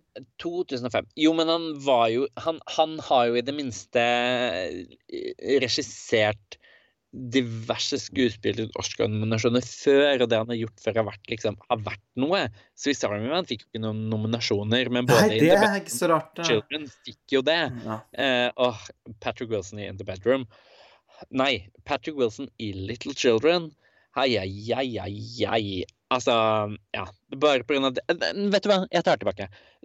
Todd Field fortjener eh, beste regi-Oscaren fordi han hadde Patrick Wilson i eh, Little Children. Der er jeg fornøyd, på en måte. Eh, du kommer til å eh, få tidenes Oscar-kveld, eh, Mats, med tanke på din kjærlighet til Everything Everywhere All At Once. Eh, for den kommer jo naturligvis også til å vinne prisen for beste film. Men for ordens skyld, her er de nominerte. Everything Everywhere All At Once, All Quiet On The Western Front, The Banshees of Inisherin, Top Gun Maverick, The Fablemans, Tar, Elvis, Avatar The Way of Water, Women Talking og Triangle of Sadness. På dette tidspunktet er det egentlig ikke interessant å snakke om noen annen film enn Everything Everywhere All At Once and Once and For All, fordi eh, den er soleklar favoritt, og den kommer til å vinne den prisen. Eh, jeg tror som sagt at eh, dette ekstreme drysset kommer til å ramme filmen eh, i etterkant. Eh, og så kan vi jo se om, om ti år om jeg har fått rett i den antagelsen eller ikke. Og det, jeg tenker at det kunne vært utrolig kult for den filmen å i det hele tatt bli Gå fra å være noe så underlig og kompromissløst til å bli en del av Oscar-kappløpet og vinne et par-tre priser, for så å fortsette å være noe av en sånn eh, kult- og fanfavoritt. Eh, men ja, hvis den blir den neste The Return of the King, så er jeg litt mer usikker på, på det. Ja, jeg tror også at den vil kunne lide av det å vinne for mange og for store Oscar-priser, og at det å oppsøke den i etterkant vil kjennes som en sånn eh, forstyrrende opplevelse, da, fordi den er såpass spesiell på et vis at man vil ha vanskelig for å forstå hvorfor akkurat den filmen skulle bli en så stor suksess. Men så er det et eller annet med at jeg må jo heie på at noe litt eh, rart og noe litt sprøtt og noe litt annerledes Og din personlige favoritt, ikke minst. Ja, jo da. Og, men også som en slags motvekt til Koda, som var en så utrolig streit TV-film av en komposisjon. At liksom åh, Gi meg da alt annet enn det neste år. Og når jeg ser på lista der nå, så tenker jeg sånn Jo da, det er, det er gode filmer her, men det er heller ikke noen av de som sånn nødvendigvis ville tjent kjempemye på å bli kåret til den beste filmen, eller som automatisk ville hatt det store ettermælet av å være den definerende filmen for det året. Og jeg tror det er litt der Everything Everywhere tjener også. På at Ja, for det er jo litt den definerende filmen for året, fordi det er ingen Ja. film som har trendet mer enn den. Nei. Og det er akkurat det. Og kanskje det er litt det man har lyst på til slutt, da. En film som virkelig kjennes som en definisjon på det året. Fordi det er klart at man kan mene hva man vil om kvalitet og alt sånt, men det kjennes jo mer 2022 å kåre Everything Everywhere All At Once til årets beste film enn All Quiet On The Western Front. Ja, men den ville jo aldri vært aktuell eh, i min eh, i, i, i min eh, verden. Nei, altså jeg tenker at TikTok-generasjonen vinner her eh, med, med Everything, men at den skal være bedre enn f.eks. Tar eller Avatar The Way of Water i en helt annen type sjanger. Top Gun Maverick, for den saks skyld. Ok, der skjønner jeg at sammenligningsgrunnlaget blir veldig underlig. Eh, jeg er jo også da kjempefan av The Fablemans, og Steven Spielberg har jo vært en eh, filmskaper av enorm betydning eh, for meg og for, for veldig mange. Eh, Sikkert også inkludert The Daniels. Og bare så det er sagt, på pressekonferanse i Berlin så ga Spielberg veldig uttrykk for at han heiet på The Daniels. Han gjorde det. Han eh, delte Eller altså, han delte noen tanker om den filmen, og han var åpenbart veldig entusiastisk. Og det er jo bare herlig å se, da. Jeg liker veldig godt at sånne aldrende filmskapere følger med og, og på en måte forsøker å ta pulsen på hva som foregår i film, filmkulturen. Eh, men men eh, ja, jeg tenker at her blir jeg uansett litt sånn eh, Ingmar Bergman og tenker den er jo åpenbart ikke bedre enn Tar. Eh, Og så Så får vi se hvordan eh, historien kommer til å se tilbake på denne Oscar-utdelingen. Jeg er jo også selvfølgelig dus med at Everything Everywhere All At Once er en film man aldri har sett maken til i Oscar-sammenheng. Mm. Men eh, fordi at jeg ikke er så begeistret for filmen selv, så blir det også sånn at jeg retter litt et skråblikk mot den, og, og tenker at den nok likevel, eh, etter mitt syn, beveger seg for langt utenfor det man har tenkt på som noen slags oppstiplede linjer for hva en Oscar-film kan være. For hvis det nå kan være alt mellom himmel og jord, så har jeg veldig mange filmer jeg får lyst til å nominere fra fjoråret. Ikke sant? Eh, og eh, Parasitt, for eksempel, eh, blir jo noe helt Altså, det er jo en film som i mye På en helt annen måte eh, til en Altså sammenfaller med det man har tenkt på som akademiets smak opp gjennom historien. Mens dette her er sånn Altså, hva skjedde her? Så, så kanskje er dette det, det sto, helt store vendepunktet for, for Oscar. Og kanskje er det, er det sunt. Kanskje er det dette som gjør at Oscar igjen blir noe vanlige filminteresserte der ute kommer til å bry seg om. Det vil jo vise seg, fordi det var i alle fall ikke tilfellet i fjor. Og eh, Everything Everywhere All At Once er en film som har favnet eh, bredt, og som både surbagede filmkritikere og entusiastiske eh, tegneserienerds har omfavnet.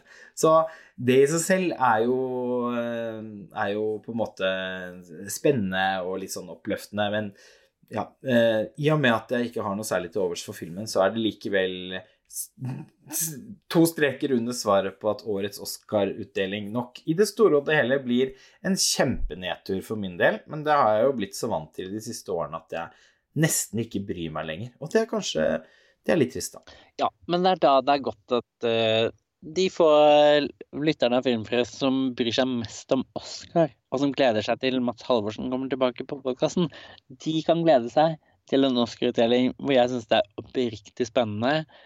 Gleder meg til å se hvem som vinner. Og hvis det er Everything Ever All At Once som blir den store vinneren, da er jeg ganske fornøyd, jeg. Og det er ikke alltid jeg er det, jeg heller, som Oscar-ekspert. Men i år, jeg tror jo men jeg blir det. Og med det så runder vi av denne tradisjonsrike Filmfrelst-episoden eh, og eh, ser fram mot søndagens Oscar-utdeling, som kommer til å bli sendt direkte på Disney Pluss for eh, alle norske abonnenter. Og det er jo på en måte en luksussituasjon, målt opp mot de siste årene, der vi alle har vært nødt til å finne alternative måter å få sett Oscar på, og bruke VPN og utenlandske TV-kanaler og sånn. Så det er jo i alle fall eh, en, en veldig gledelig nyhet på tampen av denne Oscarsesongen at, at Disney Pluss sender eh, showet direkte. Og jeg tenker at det kommer ikke til å bli krevende å, å lage et bedre show enn i fjor. Så, så, så det har jeg i det minste trua på, Mats. Ja. Det må vi være enige om. Det blir bedre enn i fjor. Og med det så sier vi takk for nå. Ha det bra, Mats. Ha det. Måtte den beste vinne.